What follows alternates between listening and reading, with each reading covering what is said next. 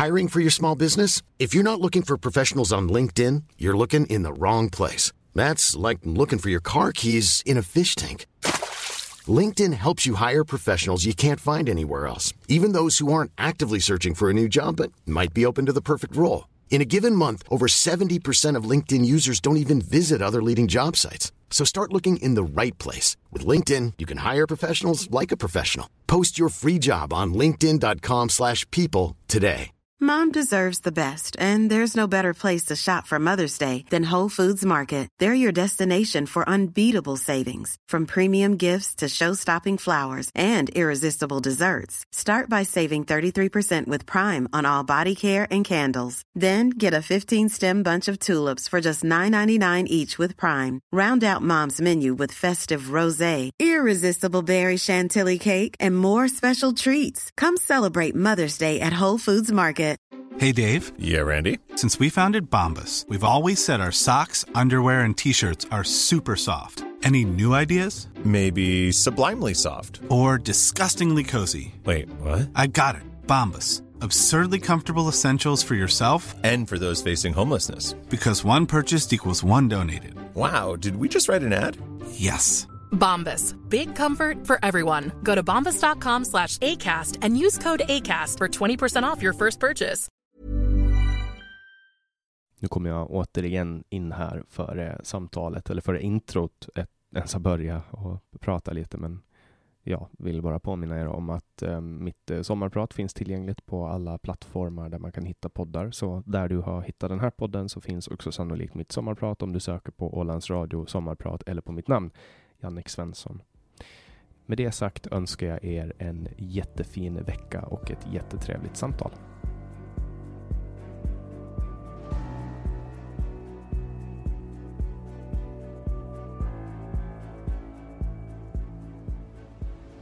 Du lyssnar på podcasten Samtal, en podcast med fokus på fria samtal. Jag heter Jannik Svensson och jag vill bjuda in dig till vår samtalsgrupp på Facebook. Länk till den hittar du på hemsidan www.samtal.ax. Jag blir också superglad om du vill vara med och hjälpa att stödja det här projektet. Det kan du göra på www.patreon.com samtal eller genom att swisha mig på nummer 070 3522 472. Länkar och nummer hittar du på hemsidan www.samtal.ax. Jag släpper nya samtal varje onsdag året runt och tar tacksamt emot tips ifall det finns någon du vill höra i podden. Idén bakom podden är att fokusera på fria samtal. Vi tror att öppenhet är grunden för det demokratiska samtalet och vill uppmuntra dig som lyssnar att exponera dig för samtal med någon du inte håller med om. Jag heter Jannik Svensson och du lyssnar på podcasten Samtal. Kai Remme är major i svenska flygvapnet och försvarspolitisk talesperson i partiet Medborgerlig Samling. Han har bland annat jobbat som konsult åt EU-kommissionen inom frågor som rör Afrikanska unionens insats i Somalia. Välkommen hit Kai. Tack ska du ha Jannik. Hur är läget? Har du semester eller vad är det som händer i ditt liv? Ja, det är sista veckan av semestern. På måndag börjar jobbet igen. Och vad gör du när du jobbar som major i svenska flygvapnet? Går du runt med en hatt och kommenderar flygplan eller hur funkar det? Eh, nej, absolut inte. Eh, jag håller på med övningsplanering eh, och det är allt ifrån flygvapenövningar till andra övningar. Så det är det jag gör i princip. Så när en JAS flyger över ett hus så att kjolen flyger upp, då det, kan det vara du som ligger bakom det? Eh, absolut inte. Det finns andra som styr flygverksamheten utan det jag håller på med är basverksamhet, det vill säga själva flygplatserna och eh, ja, vad, vad, vi gör på våra, våra flygplatser eller våra flygplatser. Mm. Hur, hur hamnade du in i, i det här då? Var det så att du gick lumpen och sen bara fortsatte av farten eller? Jo, jag gjorde värnplikten i flygvapnet 1987 och eh, var på någonting som heter uttagningskommissionen. Eh, vi höll på med uttagningar av piloter och även yrkesinformation. Så att som värnpliktig så höll jag på med flygvapnets yrkesinformation. Efter genomförd värnplikt eh, då började jag efter ett litet tag att jobba på Televerket som eh, driftingenjör. Gick ett traineeprogram och eh, under den tiden när jag gick det programmet som tog ungefär ett år så råkade min far dö. Och och eh, då började jag fundera på vad vill jag göra av mitt liv och så vidare. Och eh, då så var det faktiskt en av mina gamla rekryteringsofficerare som tyckte att med tanke på min bakgrund från Televerket och så vidare att jag skulle bli sambandsofficer i flygvapnet och det, det tyckte jag att jag kunde bli. Och då hade du ingen akademisk utbildning vid det här laget eller? Eh, nej, utan eh, då gick man ju flygvapnet, ja, jag gjorde ju faktiskt om värnplikten och eh, Eh, då så fick man, eh, ja, gick jag sambandsdroppchefsutbildning och det var ju en eh, värnplikt avsedd för sambandstjänst. Och sen så gick man flygvapnets officershögskola som jag gick 1991 93. Just det, och, och, men du är, du är uppvuxen i Sverige, du är finsk, det hör man på ditt namn. Jajamän, eh, föräldrarna flyttade till eh, Sverige 1969. Jag var två och ett halvt år och min lillebror var ett halvår. De flyttade till eh, Silverdalen i Småland och jobbade på pappersfabrik. Det var väldigt mycket finländare, greker och jugoslaver där som jobbade så att ja, det var ju arbetskraftsimporten som skedde under 60 och 70-talet som vi var en del av. Men du, du är uppvuxen i det svenska samhället och därav också patriot, utgår jag från?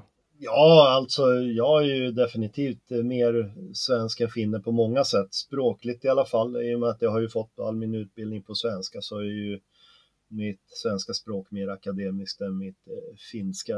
Mitt finska språk där är väl mer en bondgrabb kan jag tänka mig.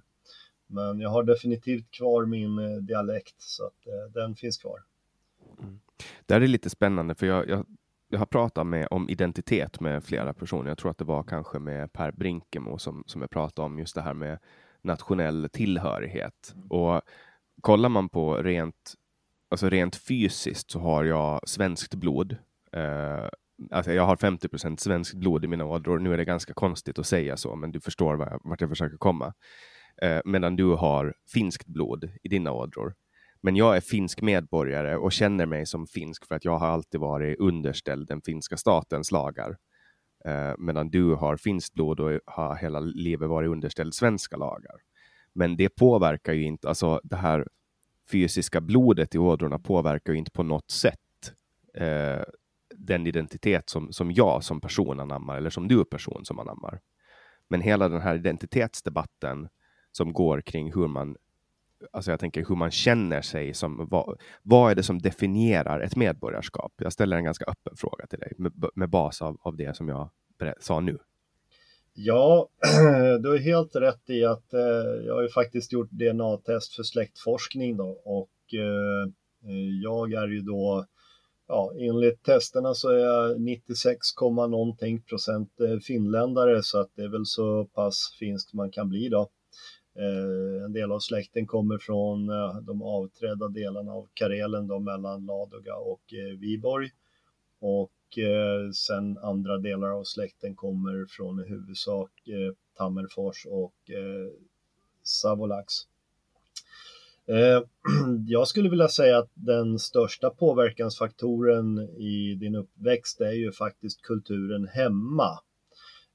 Skolan påverkar definitivt en del, men det är ju framförallt kulturen hemma och eh, jag kommer ihåg eh, en gång för länge sedan, det här var väl i början av 90-talet när eh, Merita och Nordbanken slogs ihop till Nordea. Så då kommer jag ihåg att det var ganska ung officer då och eh, då hade ju Dagens Nyheter, vill jag minnas, ett stort mittuppslag om varför den här banksammanslagningen inte skulle fungera. och då hade de en jämförelsetabell mellan svenskt och finskt ledarskap. Och eh, man kan väl säga så här att i alla, alla svenska ledarskapsegenskaper så svarade nej och på alla finska ja. Så att eh, jag vill påstå att eh, kulturen i din uppfostran från hemmet, oavsett om det är dina föräldrar eller dina släktingar, vi var ju varje sommar i Finland så att både eh, morföräldrar och eh, farmor hade ju ganska stor påverkan förutom såklart alla mostrar och fastrar då så att eh, och farbröder och morbröder och så här. Så att det är precis det det handlar om. Att eh, jag skulle vilja påstå att eh, hemmet och ett bra hem är nog den viktigaste faktorn för att påverka din inställning. Eh, sen om vi talar om patriotism och lojalitet till ett land så jag betraktar det som att eh, självklart är jag tacksam för att eh, familjen fick komma till Sverige och jobba och göra rätt för sig. Att, eh, eh det, det, man måste ju vara lojal mot det landet som faktiskt tar hand om en. Sen, sen är det inte så att landet ska ta hand om allting utan man, är faktiskt, man har ju sina skyldigheter och rättigheter och eh, det jag ser idag det är att många skyller på skolan och att eh, skolan är dålig men jag vill ju hävda att eh, mycket är ju också föräldrar och familj som påverkar hur barn uppfostras och eh, jag tror ju inte att det är bra att vara vare sig fri från uppfostran eller få en för sträng uppfostran utan där gäller nog det svenska begreppet lagom. Du, är nog, du har nog anammat ganska mycket av det svenska folksjälen skulle jag säga. Om du tycker att lagom är, är bra. Mm. Har, du någon, har du någon insyn i, i finska armén och deras eh, tjänstgöring, hur den ser, ser ut? Alltså deras Ja, det har jag faktiskt. Eh, jag har en kusin som är eh, pensionerad militär i Finland och eh, jag har en annan som är förbandschef faktiskt. Så att, ja, plus att jag har ju på grund av min finska språkkompetens så har jag jobbat en del med finländare då. Så att, så att jag skulle säga så här att när finnarna träffar på mig så undrar de hur jag kan ha en svensk uniform på sig, så kan man väl säga. Men om, om vi tar då och jämför, alltså, nu har jag bara hört eh, vittnesuppgifter från eh, svenska armén och från finska armén och dessa två när de möts. Finska armén är lite hårdare än svenska. Nej, det tror jag inte. jag kan ju säga så här att um, bara för att dra en parallell att uh, den gången, ja, då jag gjorde sambandstroppchefsutbildningen som värnpliktig i Sverige då så då hade vi, eh, vi hade 37 fältdygn och det är väl ingen som tror att folk som ska knäcka på datorer och svara i telefonväxlar ska vara ute i skogen. Men vi var ute 37 fältdygn under ett års värnplikt och eh, bland annat så gjorde vi en strapatsövning med väldigt lite mat där vi förflyttade oss 97 kilometer på fyra dygn. Och det här så. var alltså 37 dygn i sträck som ni var nej, ute på Nej, det, det, var det aldrig. Eh, det, det, där finns ju vissa praktiska begränsningar men eh, visst förekommer det att man är många dygn i fält, absolut. Så att eh, jag skulle säga så här att ehm, det är nog ganska likvärdigt ur ett soldatperspektiv och jag tror att det är mer en vanesak. Sen har ju alla föreställningar från alla amerikanska filmer om hur en soldatutbildning ska se ut, men så ser det inte ut idag. Utan jag skulle vilja hävda att det är mycket mer, ja, man, man lär faktiskt soldaten att tänka själv lite grann. Det är ju så mm. vi jobbar med uppdragstaktik, att det betyder att du måste kunna tänka själv, för det är inte det är inte någon annan som kommer att tala om för dig exakt vad du ska göra, utan det blir ju att det här är uppgiften som ska lösas och så får man lösa den. Det gäller ju även soldaterna. Det var väl det som var Sovjets stora svaghet när de eh, trängde sig in i Finland under vinterkriget. Ja, precis. Eh, det, det som det som man såg då, det var ju att eh, Sovjetunionen hade en väldigt tydlig kommandostruktur. De hade ju, ehm, ja, ska vi säga politiska kommissarier som styrde och ställde allting och Däremot så var väl finländarna i stort väldigt självgående bondgrabbar som kunde tänka själv och praktiskt och pragmatiskt. Och jag tror att det är den andan man måste utbilda soldaterna, att de ska helt enkelt lära sig att tänka själv och lösa uppgiften på bästa sätt. Mm. Det var, jag frågade en, en, eh, en kompis här från, från, eller han bodde på Åland ett tag och så gick han armén för att han var född i Finland och blev inkallad. Mm. Och så träffades vi när han var klar med sin tjänstgöring och så frågade honom, jaha, för han, han var så här, han ville inte dit, han, du vet, han måste eh, han hade jobb och han hade flickvän och allting. Och så frågade jag, vad lärde du dig under, under armén då? Känner du att du fick ut någonting? Äh, jag lärde mig skjuta och jag lärde mig bo i skogen. Ja. Det var det han svarade. Ja. Nej, men idag så finns det ju så många olika värnpliktsutbildningar. Jag menar, i flygvapnet så har vi väldigt tekniska utbildningar så att eh, eh, de får ju lära sig att ladda och tanka flygplan och sådär och det är ju inte alls samma sak som att bo i skogen och kräla i gyttjan. Eh, det ska man ha klart för sig helt enkelt att eh, soldatutbildningar idag är så väldigt mycket olika. Eh, det finns ju inte en soldatutbildning för allihopa. Det är ju, vad jag förstår så är det ju samma sak i Finland att deras urvalssystem är ju att du söker vidare till reservofficers och officersutbildningar och då förlängs ju din värnplikt och då gör du ju ytterligare grejer för att se att du är tillräckligt bra. Och eh, ja, det är ett system som fungerar skulle jag vilja påstå. Eh, eh, man kan väl säga egentligen att de nordiska värnpliktssystemen generellt sett har ju visat sig vara ganska effektiva och det ser man ju även när man tittar på internationell tjänst att vi har duktiga soldater och jämfört med många andra länder så gör de väldigt lite fel. Men om man kollar på, på det faktum att det var väldigt länge sedan som sven, svenska armén var med i ett krig eller var under ett anfall. Tror du, påverkar det kulturen mycket inom, inom ett lands försvar? Ja, för det första så har du helt fel.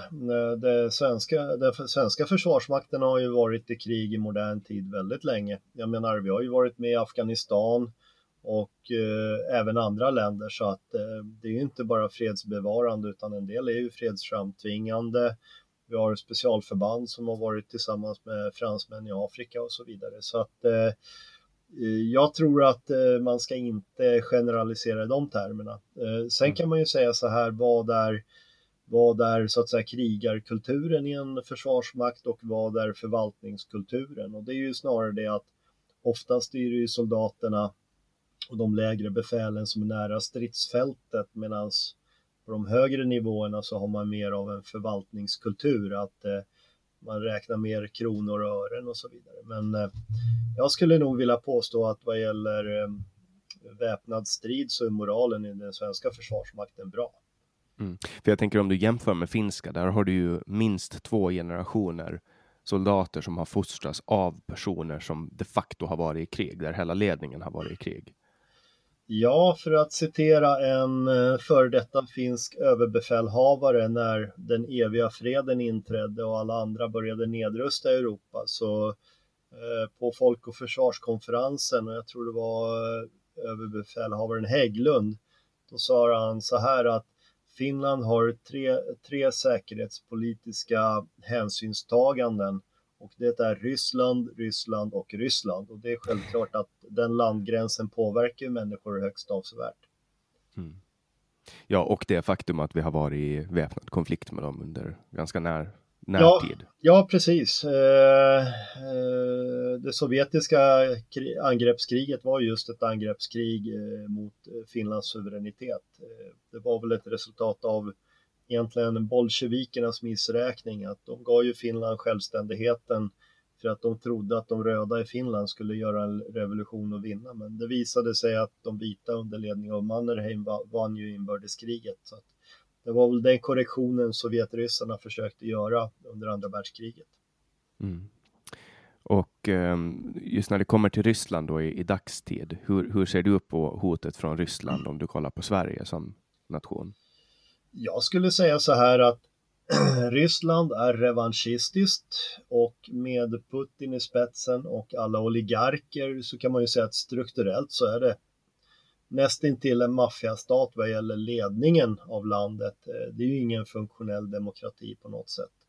Och ur det perspektivet så är det problematiskt att eh, Putin är revanschistisk. Det pågår ju en stor övning just nu Eh, det är väl 150 000 ungefär som är med i den här beredskapskontrollen. Och eh, det spekuleras ju om det ska bli ett anfall mot Ukraina eller Belarus eller något annat land. Nu är ju Estland, Lettland, Litauen väl skyddade av sitt NATO-medlemskap och eh, de multinationella trupperna som finns där. Men det handlar ju om att vara en säkerhetspolitiskt trovärdig aktör och där är ju Finland mycket, mycket bättre än Sverige vad gäller den saken. Och eh, vi har ju till exempel den eh, gemensamma finsk-svenska försvarsplaneringen och det som är problematiskt nu det är att i och med att regeringen inte vill betala det eh, försvaret kostar så kommer ju trovärdigheten i det svenska åtagandet att vara högst tveksamt. Ja, och sen finns det ju lite utrikespolitiska eh, problem också just när Finland har stängt gränserna mot, mot Sverige på grund av coronahanteringen. Jag tänker att det kanske nöter också lite på relationerna, eller? Nej, det tror jag inte spelar någon roll. Jag har inte märkt någonting i försvarstermer. Jag menar, vi vidtog väldigt bra åtgärder i Försvarsmakten när corona drog igång och det var väldigt noggrant med eh, och kolla just eh, vilka som är minsta lilla sjuka. Har man ingen diagnos eller någonting, man stannade hemma och så vidare. Så att eh, i det perspektivet ska man ju säga att nej, det, det, det, det tror jag inte sliter på det finsk-svenska förhållandet utan jag tror mer att det är den politiska osäkerheten var Sverige står vad gäller försvarsekonomi. Det tror jag är den största slitningen. Mm. Och vad, vad är det som har hänt där? Är det att man vill spara på försvaret eller anser man att det inte behövs eller vad är liksom? eh, Wilhelm Agrell har ju skrivit en väldigt bra eh, bok, eh, Fredens illusioner. Den eh, behandlar svensk försvarspolitik från 1988 till 2009. Man kan väl säga att eh, eh, försvaret har inte varit en prioriterad utgift för den svenska staten på väldigt länge. Eh, det är ganska talande att vi har haft väldigt många försvarsministrar som har varit vapenvägrare. Eh, dock så vill jag en eloge till eh, eh Tolgfors. Han var ju vapenvägrare men han var faktiskt en eh, ganska bra försvarsminister eh, när man tittar så här retroperspektiv på vad han gjorde och inte gjorde. Mm. Vilka har varit vapenvägrare då bland, bland Ja, den nu, nuvarande... Ja, men nu, försvars, förlåt. Ja, eh, den nuvarande är ju vapenvägrare, Tolgfors och um, för mig att du har haft en till. Um, nuvarande heter Hultgren va? Ja, Peter Hultgren och han är ju, han är ju vapenvägrare. Så han har inte ens gått uh, militären? Han har inte gjort värnplikten, nej. Spännande. Men i och för sig, man behöver ju inte ha gjort det för att kunna vara minister, men det det handlar om är väl kanske en grundläggande förståelse för eh, var vi är. Och just nu så i den svenska försvarsdebatten så används ju coronakrisen och kostnaderna för det som en ursäkt för att inte satsa på just försvaret. Trots att vi hade en hyfsat enad eh, försvarsberedning som i sin rapport Värnkraft beskrev vad som behövde göras. Och också att försvaret var med och hjälpte till eh, med att, att genomföra den här strategin. Jag tänker med uppbyggnadet av, av eh, det här fältsjukhuset i Älvsjö. Det var väl hemvärnsmän som gjorde det? Ja, fältsjukhuset har ju egentligen ingenting med ett svenskt försvarsbeslut att göra utan det är ju bara att man eh, tar de logistiska resurser som finns i Försvarsmakten och ställer dem till eh, landstingets förfogande. Så att eh, det har ingenting med försvarsplaneringen. Och vad gäller fältsjukhus så vet jag att vi har haft en debatt att ja, men tänk om vi hade haft eh, x antal fältsjukhus kvar så är det ju faktiskt så enkelt som att eh, eh, även de fältsjukhus vi hade historiskt hade ju bemanning av ordinarie sjukvårdspersonal. Den enda skillnaden var att man flyttade dem från sjukhuset till ett tält. Och eh, det vi har i Sverige det är ju att eh, tittar du på sjukvården så är den överbyråkratiserad så att det betyder att läkare och sjuksköterskor gör väldigt mycket annat än tar hand om patienter. Nu minns jag inte exakt vilken utredning det är men jag har för mig att eh, det, det, var någon utredning om svensk sjukvård mellan eh, 1973 och 2003 eller något sånt där. Och eh, under den tidsperioden så har antalet anställda i sjukvården ökat med fyra gånger, men antalet patienttimmar är konstant. Och det är administratörer som har ökat? Det, det är administratörer, jajamän. Och eh, det behövs ju bara folk som vårdar, eh, vårdar eh, patienter och inte en massa administratörer. Det, det är new public management och det är bara att inse att eh, vissa kärnverksamheter i staten går inte att bedriva som eh, eh, ska vi säga, logistikövningar för privata företag.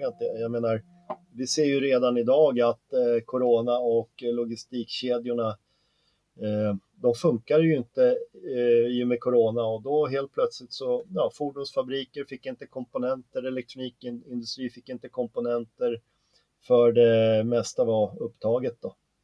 Mm. Eh, eller ja, inte levererbart på grund av att kinesiska fabriker stänger ner.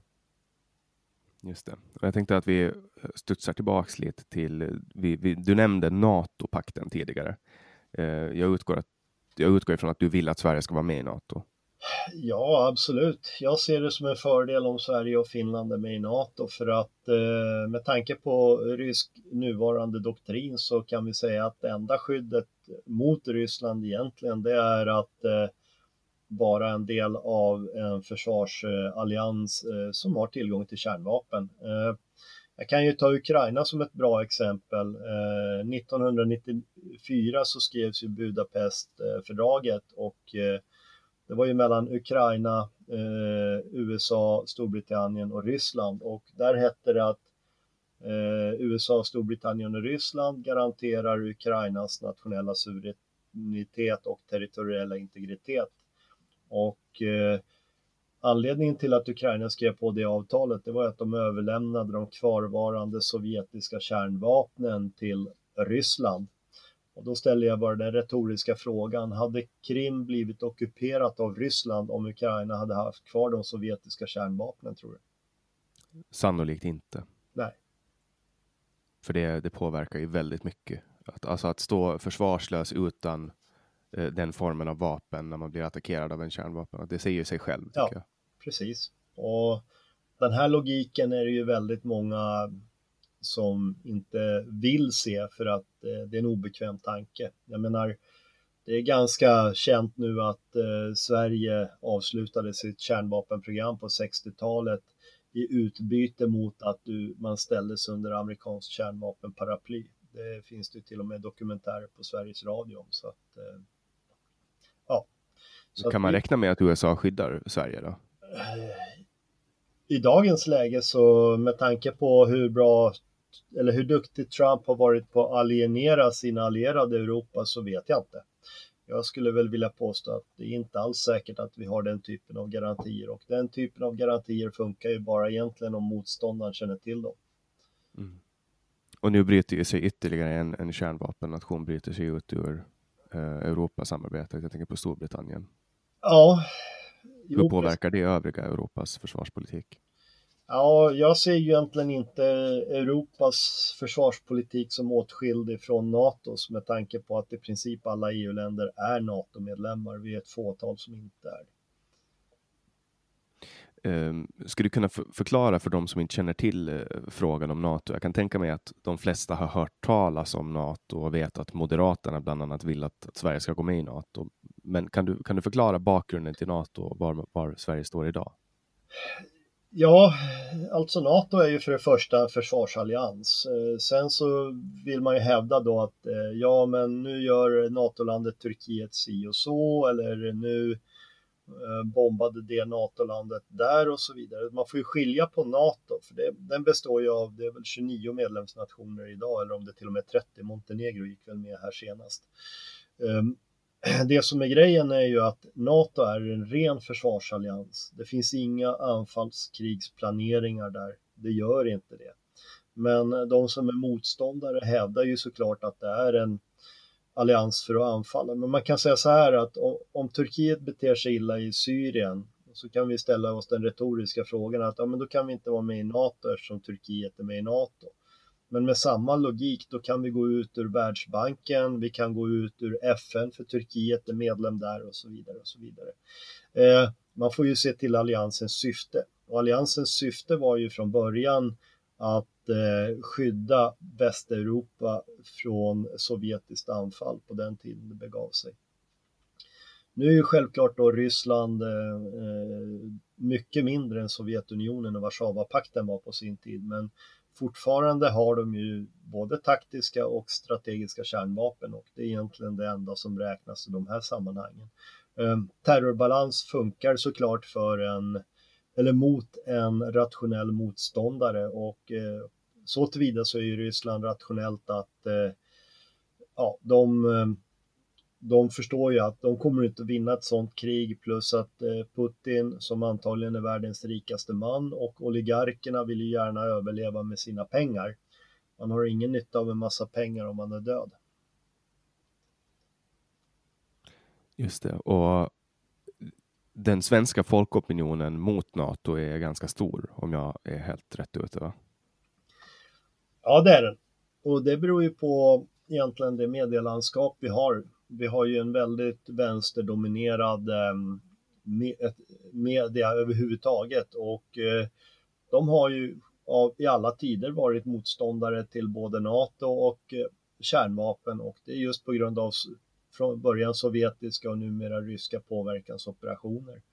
Eh, det är helt enkelt folk som inte förstår det där att eh, enda sättet att avhålla Ryssland ifrån krig är att eh, de förstår att det kommer att kosta dem mer än det kommer att smaka. Och hur får man dem att förstå det? Nej, det är ju det är en realitet. ryssarna är duktiga på matematik så de inser ju att ja, men det här är krig vi inte kan vinna och då startar vi inte dem.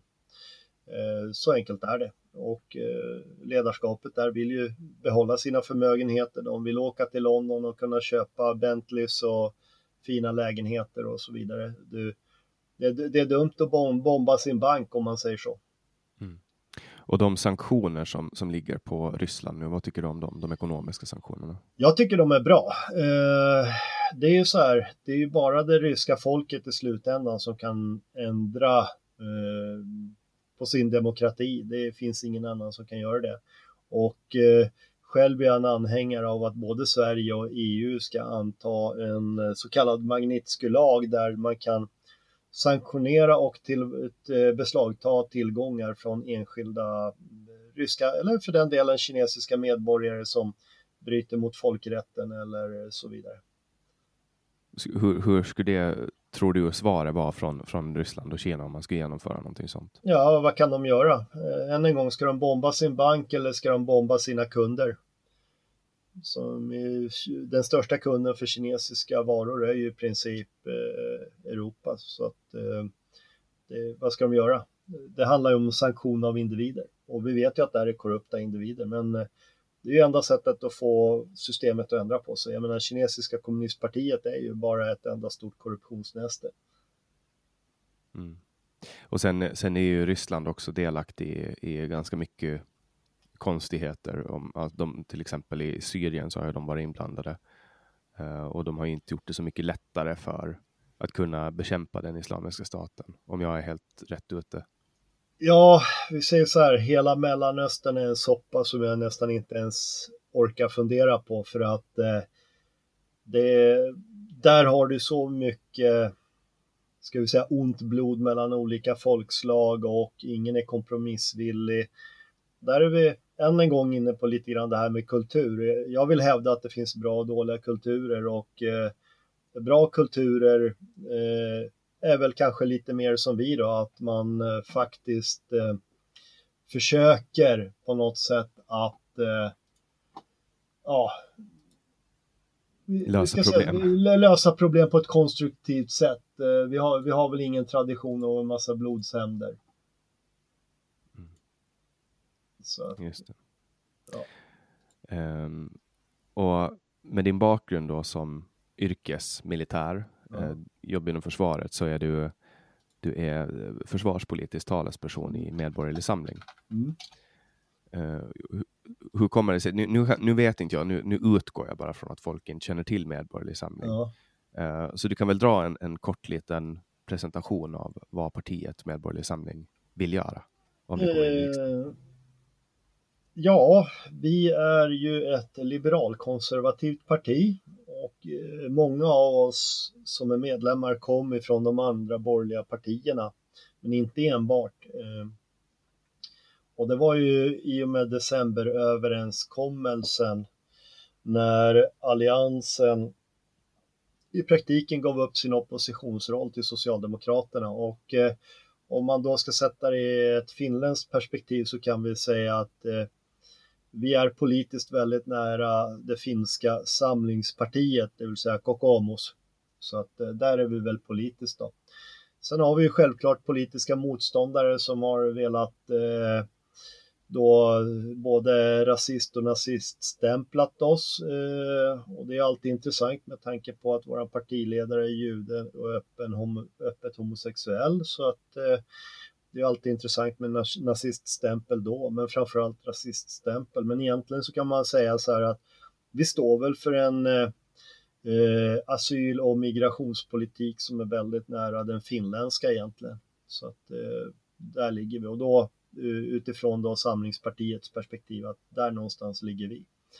Eh, och eh, själv så var jag medlem i Kristdemokraterna i 16 år innan jag lämnade det partiet till förmån för just Medborgerlig Samling. Och vi har många eh, då, eh, moderater, KD, centerpartister, miljöpartister och så vidare. Men just det här liberalkonservativa är ju viktigt för oss och vi är också för en lågskattepolitik. Vi anser att väldigt mycket av statens utgifter i Sverige idag går till en massa saker som inte är statens kärnuppgifter överhuvudtaget.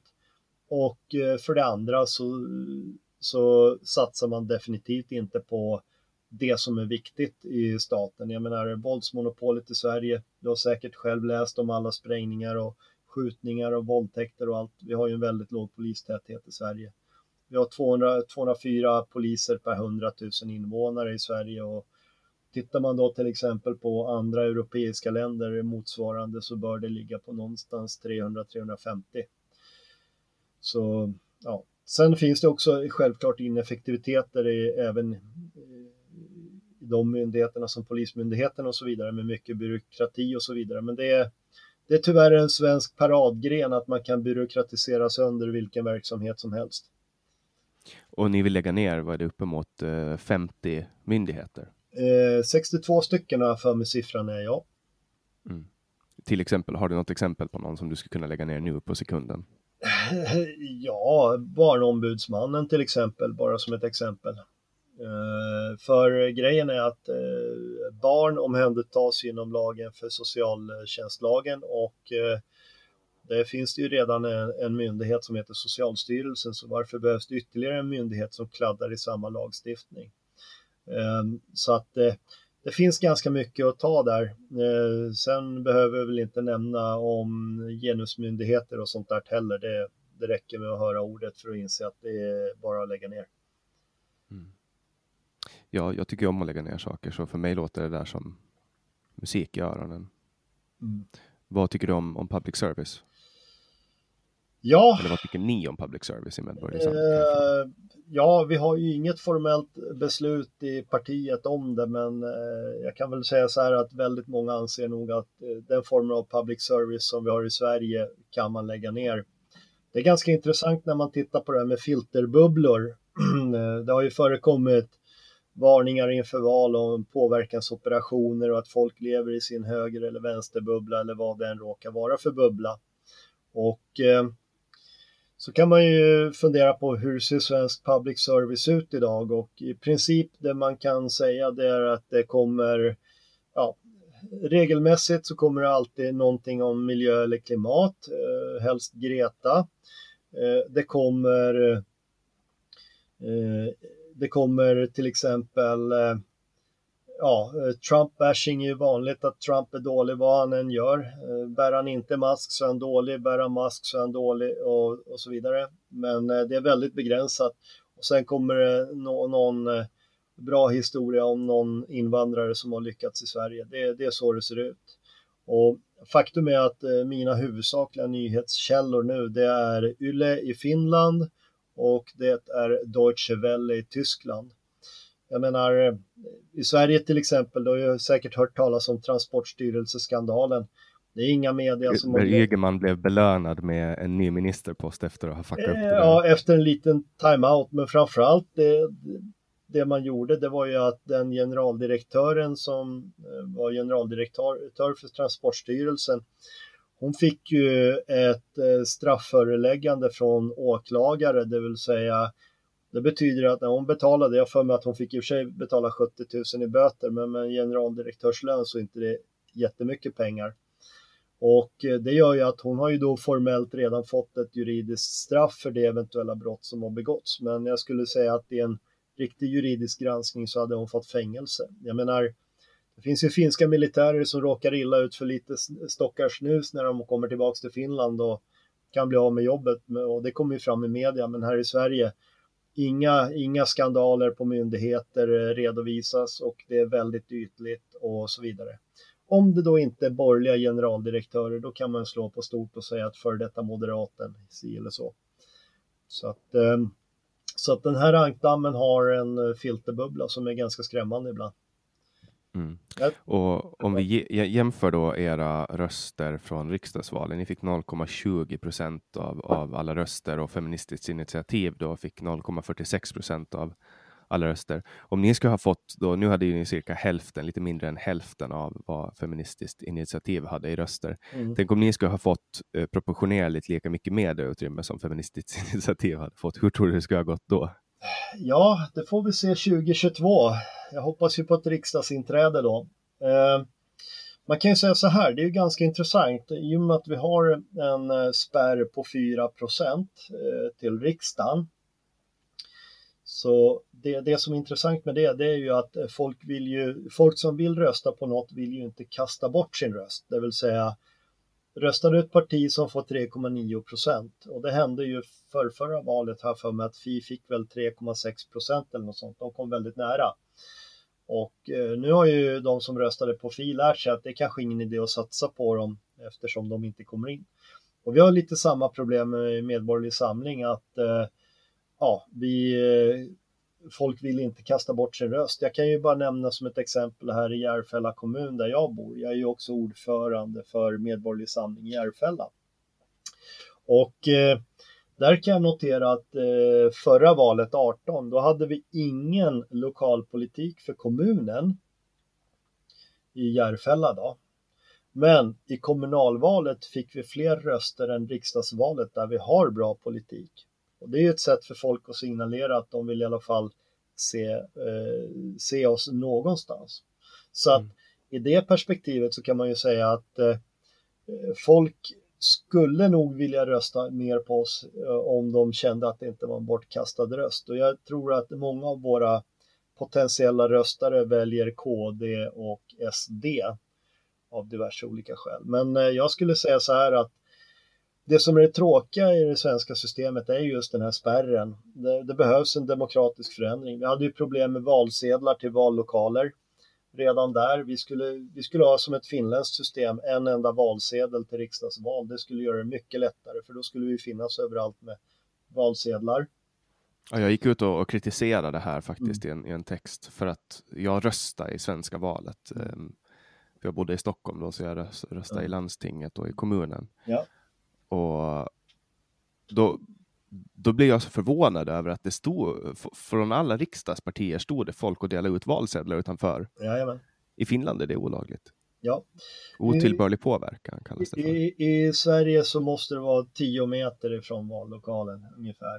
Det, ja, de här stod på trappan. Ja, ja det, det kan vara lite liberalt ibland, men ja, det, det är ju det har sina svårigheter. Jag tycker det finländska systemet är mycket bättre. Sen tror jag ju också att ska man ha en äkta demokrati så måste man ju kunna... Man, man kan säga så här, vi, vi, har några system som cementerar de befintliga partiernas makt och det ena är partistöden. Eh, eh, varje, varje mandatperiod i riksdagen ger en halv miljard kronor till partierna i partistöd att dela på. Så att eh, det är ganska mycket pengar att köpa reklamutrymme för och sen, sen är det spärren som gör att eh, folk vågar inte satsa på nya partier. Eh, jag skulle säga så här att eh, en idé som vi pratar om ibland om man ska ha en riktig demokratireform i Sverige, det vore ju en gemensam valsedel och sen så ska du få kryssa i ett förstahands och ett andrahandsalternativ. Och förutsatt att förstahandsalternativet kommer in i riksdagen, då är det den rösten som gäller och kommer den inte in i riksdagen så ska andrahandsalternativets röst gälla, för då har ju inte väljaren kastat bort sin röst. Men eh, jag har väl en viss uppfattning om att dagens riksdagspartier skulle inte uppskatta den typen av reform i valsystemet. Det varför skulle man göra någonting som missgynnar en själv?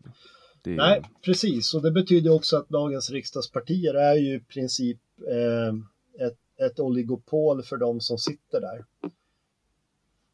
Mm. Ja, jag tycker att det finns mycket i svenska politiken. Jag tycker ju till exempel också att ni ska i Sverige ta bort det vi har på Åland. Vi har ju personvalssystem så att man bara röstar på en person. Um, för att då, då, då ska ni få, för nu röstar man ju på ett parti och så kan man kryssa, men jag tycker att det ska vara mycket bättre i Sverige om man röstar på personer. Um, jag tror att det i slutändan skulle, skulle vara mer gynnsamt. Ja, röstar du på en person så är det personen som blir ansvarig. Eh, idag så är det ju så att de flesta svenskarna känner ju inte till alla ministrar. Eh, kontakten med riksdagsledamöter är ju ganska bristfällig. Eh, och eh, ja, jag tror inte ens att jag skulle veta vilk, vilken riksdagsledamöt som representerar min valkrets. Så att eh, det är ju ett problem. Däremot så tror jag inte heller på det brittiska systemet med enmansvalkretsar för att eh, nackdelen med enmansvalkretsar är att du kan alltid ändra på en valkrets så att det gynnar ett visst parti. Mm. Så att det tror jag inte på utan jag, jag, tror ju, jag tror ju på proportionella val som vi har. Sen är ju kanske riksdagen lite för stor med sina 349 med ledamöter för att det är ju väldigt många i förhållande till om man tittar på övriga nordiska länderna om man jämför per capita och jag tror inte att våra riksdagsmän är så mycket mer produktiva. Eller kanske därför de är fler, för de är improduktiva. Ja, jag vet inte, men eh, min uppfattning är fortfarande att svenska riksdagsledamöter har väldigt mycket att göra. Ja, Sen, sen, sen, kan vi säga så här att en annan sak när vi ändå talar om parlament, det är ju att vi anser ju till exempel att EU-parlamentet skulle definitivt läggas ner för att det skulle bli mycket svårare för Bryssel att få igenom obehaglig lagstiftning om det var de nationella parlamenten som röstade om lagstiftningen för att då blir det ju ett personligt ansvarsutkrävande i nationella val på ett helt annat sätt än att man bara pekar på Bryssel och säger att det är inte vi, det är EU. Mm. Ja, ja, nej, alltså jag, jag håller med där med EU-parlamentet, alltså det här med subsidiaritetsprincipen. Eh, alltså att, att, val ska göras så nära, som beslut ska fattas så nära medborgaren som möjligt. Vi har ju problem med till exempel vårjakt på Åland, alltså att man, man har i EU bestämt att eh, den jakt som man gör på vissa sjöfågelarter här uppe i, på Åland är skarv Eh, skarv och sen har vi också guding som man inte får. Yeah. man får inte skjuta gudingar även om det finns. Eh, det är då hanfågeln av, mm. av uh, ådan. Yeah. och de får man inte skjuta därför att man har bestämt att det är, men de är, de, det, är för, det, det, är en extrem överpopulation av den manliga uh. arten. Och, och sen har vi också örnar um, som, som är fridlysta. Yeah. Och, och det måste regleras nere i EU och det, det blir ett stort problem. Det är samma med fiskekvoter. Mm. att vi delar fiskekvot med Finland och så fort man har fiskat klart nere i, i, i södra Östersjön, liksom, mm. eller södra Ålands hav eller whatever, och, mm. och, och torskkvoten är klar, då får inte ålänningar fiska mer. Så där är, det är samma med jordbruket, att jordbruksbestämmelser som bestäms, eh, de är oftast för tyska och franska storbönder. Liksom. Och så ska det anpassas till ett lokalt litet, litet samhälle. Att för mig så är inte det demokratiskt. Nej, precis. Eh, självklart så är det väl bra med en del eh, EU-gemensamma beslut om standards och så vidare. Det har jag inga problem med, utan vi måste ju gå tillbaks till där det var, frihandel, fri rörlighet och eh, sen bara det nödvändigaste regleras centralt. Men framför allt så anser jag fortfarande att även om det är centrala regleringar så ska ju lokala parlament fatta beslut om dem.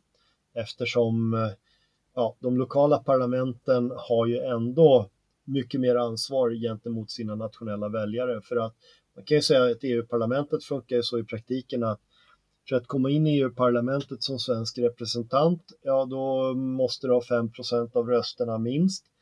Och sen är det andra är ju att eh, ditt parti hamnar i en partigrupp och där gäller ju partipiskan också. Då finns det ju inget personligt ansvarsutkrävande där heller. Så att eh, det blir ju bara en formlös byråkrati utan ansvar. Ja, ett sätt att eh, belöna politiker eller skicka bort dem. Ja, precis. Alice Bah Kuhnke till exempel. Ja, jag har ingen personlig åsikt om henne, men det kanske så. Hon, hon, hon var minister och sen skickades hon ner till EU-parlamentet. Det är liksom nästa steg i karriären. Ja, det är ju belöningen. De har bra betalt. De har väldigt bra betalt och de får betalt för att vara hemma och de får resa och de får vara borta. Det är liksom, ja, jag, har, jag har mycket att säga om, om EU-parlamentet, men, men jag tänker att vi hoppar vidare till någonting annat som, ja. som är viktigt för, för Medborgerlig Samling, mm. eh, tjänstemannaansvar. Ja. Sverige har ju blivit specialister på tjänstemannaaktivism. Vi ser det på många olika områden. Det spelar ingen roll vad det är egentligen och det är också kopplat till våran filterbubbla i Sverige att eh, man gör det man tror att eh, politiska ledare vill ha. Eh, och eh, ja, jag läste väl häromdagen bara att det var någon som skulle göra någon, någon utredning om någon, någon fisk, fisk eller fiskeri eller något sånt där. Och då fick de inte medel för det för att man hade inte någonting om genus med i forskningsanslagsansökan. Så att det blir lite larvigt vad nu fiskar och genus har med varandra att göra, men jag tror att fiskar inte reflekterar så mycket över sin könsidentitet. Så att, nej, det, helt klart så, så tjänstemannaansvaret måste ju tillbaks för att eh, det finns diskrepanser som man verkligen kan fundera över där man, eh, där man ser tydliga utslag av tjänstemannaaktivism. Jag menar, det är, det är orimligt till exempel att i vårdnadsfall i Sverige så är det väl någonstans 80-90 procent så är det mamman som får ensam vårdnad om det är som vårdnadstvist och eh, jag, har, jag har väl eh, svårt att föreställa mig att svenska kvinnor ska vara fyra gånger sundare föräldrar än svenska män. Det, det kan ju vara svenska män som är i mycket större utgradning svin också. Man vet ju inte. Det har jag svårt att tro. Jag tror, jag tror inte heller det. Men... Nej. Men siffrorna talar ju sitt språk. Det är, det är någonstans som det är fel. Ja. Och, det, och det är ju knappast myndigheten det är fel på, för en myndighet kan ju inte vara felfri, eller? Jo, alltså myndigheterna kan ju ha fel på många sätt också. Det handlar ju om generaldirektörer och det är ju samma sak där. Det är belöningar för politiska gärningar. Vi har ju några stycken som har förstört ett antal myndigheter på rad. Dan Eliasson. Jag sa inga namn, det är din slutsats. det, det är för mig, det, det, alltså det är Sveriges största charad. Ja, man kan ju säga man... så här, bara det att man kommer undan med eh, den typen av brott mot offentlighetsprincipen, att radera en massa mejl eh, och, och rensa myndighetsarkiv. Det är samma sak när man begär ut handlingar så kommer det ibland bara, nej den finns inte, eller det är bara en arbetshandling. Eh, jag tror att Finland sköter sin offentlighetsprincip mycket bättre än Sverige och vi måste tillbaks dit. Eh, medborgarna har rätt till insyn. Det är våra skattepengar och då har vi rätt att kräva och få veta vad som görs av ja, mm. med våra skattepengar. Ja, och sen, sen har ju också Dan Eliasson gjort offentliga framträdanden eh, som har varit bortom klandervärda, som, som borde räcka. Alltså skulle han vara en politiker eller ett statsråd, då skulle han ha blivit Alltså på en sekund så ska han ha varit på gatan. Jag tycker inte att han är, han är sämre än vilken annan socialdemokrat som helst. Jag tänker alltså, när han satt där i, i morgonstudion på TV4 och liksom uttryckte mera sympati till, till gärningsmannen av ett knivdåd än till offret. Det tyckte jag var magstarkt. Ja, det, det kan man säga att det var ju väldigt okänsligt av honom och eh, ja, jag tror att en psykiatriker skulle kanske reflektera över att det är kanske underlag för en intressant diagnos, men eh, jag är inte psykiatriker så jag ska inte göra den diagnosen. Mm, men skulle, tänk dig att en minister skulle sitta så, Anders Ygeman skulle ha sagt det, det, han skulle ju få gå direkt. Ja, vi får väl fråga vilken ambassad som är ledig då. Ja, ja han måste ju bort från Sverige tänker jag. Eh, för, för alltså en person med hans track record Ja. Jag, jag, tyck, jag, tycker bara, för mig är det, för mig är det där ett, alltså, det är, en, det är en cirkus. Ja, vi lever ju tyvärr i den här tragikomin varje dag i Sverige så att det är därför man ska rösta på Medborgerlig Samling för att slippa skiten. Tror ni ni kommer att komma in i riksdagen då? Ja, jag säger så här, vi har en bra chans. Eh, det enda som gäller för oss egentligen, det är att få folk att förstå att vi finns och att vi är ett seriöst parti och vi menar allvar till skillnad från en del andra partier som är utanför riksdagen så har vi ju välpublicerade, väldokumenterade eh, politiska inriktningar för väldigt många områden på vår hemsida. Så att eh, vi har lagt ner väldigt mycket arbete och eh, den stora fördelen med Medborgerlig Samling det är att vi har ett helt meritokratiskt system. Vi, vi kvoterar inte in folk utan det är de som kan någonting, de, de är välkomna att leverera resultat. Då. Så att eh, ja, vi, vi har till och med medlemmar som jobbar på departement och eh, har erfarenheter från departement och statsförvaltning och kommunala förvaltningar och landsting och så. Så att eh, jag skulle säga så här att vi är ett väldigt tjänstemannatätt eh, parti. Och det är ju just för att vi har ju sett på våra arbetsplatser hur saker och ting inte har blivit bättre över tiden utan tvärtom och eh, vi vill kunna påverka det till att det ska bli bättre igen. Men ni är än så länge okorrupta då, utgår jag ifrån? Inga, inga människor är väl perfekta, så det beror ju på vad du menar med okorrupta, men eh, det, det är ju självklart så att vi vill ju påverka Sverige i en bättre riktning än det har tagit. Eh, jag brukar själv skoja lite grann om det att Sverige borde finlandiseras. Ja, mina, de tweets som jag gör som får mest reach, det är när jag jämför Finland och Sverige mm. ur ett utomstående perspektiv. Ja. Alltså som till exempel, eh, det var, det var ju en skandal i Finland när eh, före detta finansministern då, Kat, Katri Kulmi, Kulmini, eh, gjorde någon, hon, hade, hon tog in alltså en PR-byrå eller alltså, någon form av konsulter som skulle mediaträna henne då för en halv miljon kronor. Mm. Och så fort det här uppdagades så avgick hon. Ja. Och jämför det med Ygeman till exempel. Ja och, och, och kolla hur, vad, vad är konsekvenserna? Vad är konsekvenserna i, i svensk politik? Liksom? Vad är det som gör att Alltså ibland, jag tänker ibland så här, det som gör att folk som Ygeman kan, kan få fortsätta och att eh, Margot Wallström kan bli belönad med någon stor post utomlands eller att eh, Dan Eliasson kan fortsätta. Alltså, min, min, jag har på riktigt tänkt så här, men tänk om, om de alla är scientologer och, och har suttit i sådana här sessioner och, och gett information eller att de sitter och har information som gör att, att man kan inte sparka dem. Att det är någon form av informationskorruption. Eller eh. blackmailing. Ja, det, jag tror att det är, det är nepotism. Eh, jag menar i Sverige har vi en politisk adel. De flesta blir ihop med varandra och eh, man håller tätt och man försöker få sina barn att ärva positioner. Så att eh, det är nog mer ett egenintresse helt enkelt som driver. Jag menar, det finns ju det här berömda talesättet att den första generationen förvärvar, den andra förvaltar och den tredje fördärvar. Och vi är ju inne i tredje generationen av efterkrigspolitiker i Sverige just nu. Och eh, det är de som fördärvar. Jag menar, ta en människa som Mona Salin. Hon förstår ju inte ens att hon har gjort fel. Hon har inte den självinsikten. Utan det är bara, ja, man ursäktar sig eller hävdar att man har blivit missförstådd. Och det, det är nog tyvärr så inom den politiska eliten nu att de, de saknar självkritik. Och sen, sen kan vi säga så här, i och med att vi har pratat lite om media och den informationsbubblan som vi har levt i, eller lever i i Sverige hela tiden. Så jag brukar säga så här, den farligaste politikern som finns överhuvudtaget, det är den politiker som tror på sin egen propaganda. Och de tror ju på sina egna media.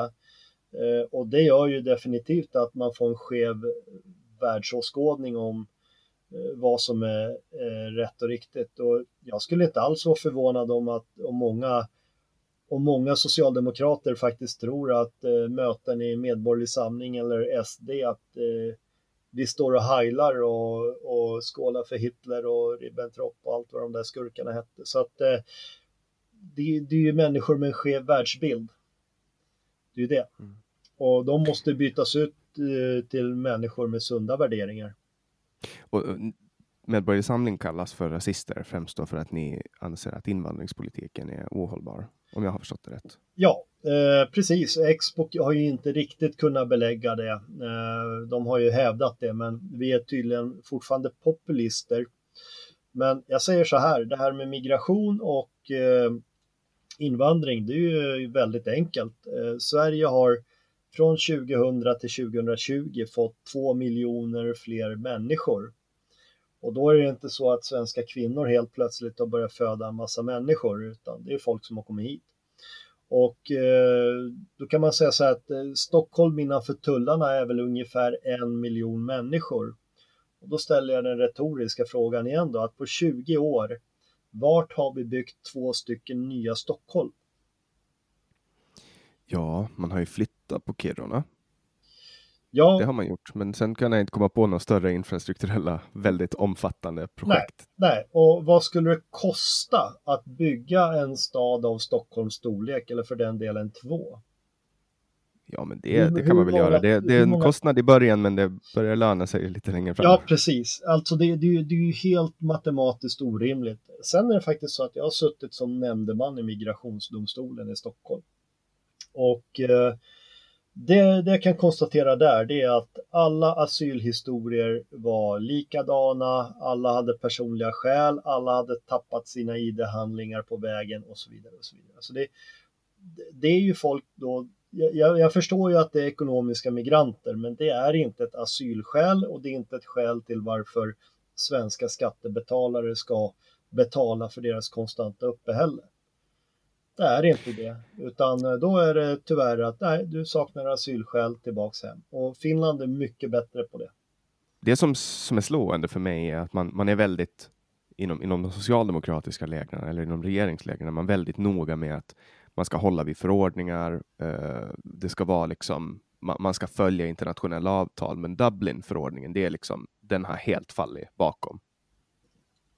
Ja, ja, ja. nej, men eh jag brukar säga så här, man väljer förordningar efter läglighet, vad som passar ens åsikt. Eh, det finns ju många tillfällen i Sverige där man inte följer sitt eget regelverk, men när det passar den politiska åsikten. Mm. Så vad vill Medborgarsamling göra med invandringspolitiken? Då? Eh, det vi vill se, det är eh, i princip ett asylstopp eller egentligen att vi ska ha samma strikta asylprövning som Finland. Kommer du hit utan ID-handlingar så blir du inlåst tills man vet vem du är. Eh, familjeåterförening kan ju lika väl ske i hemlandet. Åker du till hemlandet på semester som du har flytt ifrån, då ska uppehållstillstånd eh, upphöra. Det ska finnas en begränsning för invandrare vad gäller försörjningsstöd och till slut så ska det finnas ett aktivt återvandringsprogram där invandrare som inte eh, uppbär någon självförsörjning ska eh, då tillbaks till sina hemländer. Även om de utsätts för dödligt våld där hemma? Ja, men de flesta har ju inte det, de förutsättningarna. Det är ju det som är falskt. Det, det, det är liksom, ja, vi, vi, kan säga så här, ett flygbolag som gick eh, eh, i konkurs här för ett par år sedan, ja, då blev det ett ramaskri för då satt tusen stycken svenskar fast i Mogadishu. Vad, vad, tror du själv? Var det flyktingar från Somalia som åkte tillbaka till hemlandet och kände sig hotade eller var det Conny och Sonny som åkte på superresa till Mogadishu. Vad tror du själv? ja, jag har svårt att tänka mig att uh, Conny och Sonny skulle åka ner till Somalia. Ja. Du har väl lite erfarenhet från Somalia också? Ja, inte så att jag har varit, att jag har varit på ort och ställe, men jag jobbade på Afrikanska unionens högkvarter med strategisk eh, planering av Afrikanska unionens insats i Somalia. Och hur, vill du berätta lite om det? Eh, ja, det kan jag göra. Eh, man kan säga så här, vi var, eh, jag var ju då tjänstledig från Försvarsmakten så att jag var ju helt civil anställd av EU-kommissionen. Och eh, där så ja, var det i princip en planeringsinsats för att Afrikanska unionen skulle vara effektiv i sin insats i Somalia. Och det var framförallt då EU, EU-stödpengar till Afrikanska unionens insats. Det var Också USA var inblandat där så att vi samarbetade väldigt mycket med både USA och NATO och sen EU. Och i princip så kan man säga så här att det var ganska mycket budgetarbete, man fick allokera pengar till olika anskaffningar, en hel del utbildningsarbete och så vidare. Och i mitt fall så var det ju att eh, försöka skapa bättre eh, lednings och ledningsstödsystem till insatsområdet. Då. Mm. Och det är väl de länder som ligger söder om Sahara som är de stora länderna där det råder som mest misär i, i världen nu. Ja, det är väl Sydsudan tror jag väl är värst eh, just nu. Eh, sen är ju Kongo ett krig som är bortglömt. Det är över 3,5 miljoner döda i Kongo under, i modern tid så att det är väldigt många. Eh, och eh, än en gång, det handlar om kultur. Jag menar, man måste faktiskt utbilda eliterna i Afrika till att vara demokrater och det var väl en av de här sakerna som jag reflekterade över att eh, många försöker ju jämställa Afrikanska unionen med eh, Europeiska unionen. Och den stora skillnaden är ju att europeiska länder är demokratiska på riktigt. Och eh, du kan ju försöka räkna upp hur många afrikanska länder som är demokratiska på riktigt, så vänta en halv sekund till du är klar. Vi kan väl börja med Demokratiska republiken Kongo. Mm. Får man skoja om det eller? Ja, det var väl någon komiker vid något tillfälle, jag undrar om det inte var John Cleese bland annat, att om man inte kan skoja om det så är inte ämnet tillräckligt allvarligt. Okej, okay. ja, för det, det är ganska Eh, det, det, det, säger ju allt om, om de har namnet demokratiska med sig. Då vet man att det i regel inte är demokratiskt. Ja, eh, även eh, Nordkorea är ju tydligen demokratiskt enligt landets officiella namn. Ja, vad, vad är deras officiella namn då? Är det inte Democratic People's Republic of Korea, DPK? Ja, just det, Demokratiska Folkrepubliken. Mm, precis. Ja. Ja, det, det, är lite spännande. Vi heter, ju, vi heter ju inte Demokratiska republiken Finland, utan vi heter ju Republiken Finland. Ja, precis. Och vi heter Konungariket Sverige. Vad tycker du om monarkin då? Jag tycker monarkin är bra. Jag tycker kungahuset gör ett fantastiskt bra jobb och eh, de jobbar mycket, mycket mer än eh, folk inser. Att, du tänker på PR-mässigt då? Ja, alltså de har ju ett jobb att representera Sverige i många olika sammanhang och jag tycker de gör ett fantastiskt arbete och eh, ja, jag kan inte se hur en avdankad socialdemokratisk president skulle vara bättre än eh, ett eh, dedikerat kungahus som gör ett fantastiskt bra jobb. Mm. Du kan ju fantisera om president Ygeman. Ja, nej, det, det ska jag nog hellre, hellre undvika. Vem tror du skulle bli president om det skulle vara presidentval i Sverige då? Det, ja, skulle det vara presidentval så är jag ganska säker på att Victoria skulle vinna första presidentvalet i alla fall.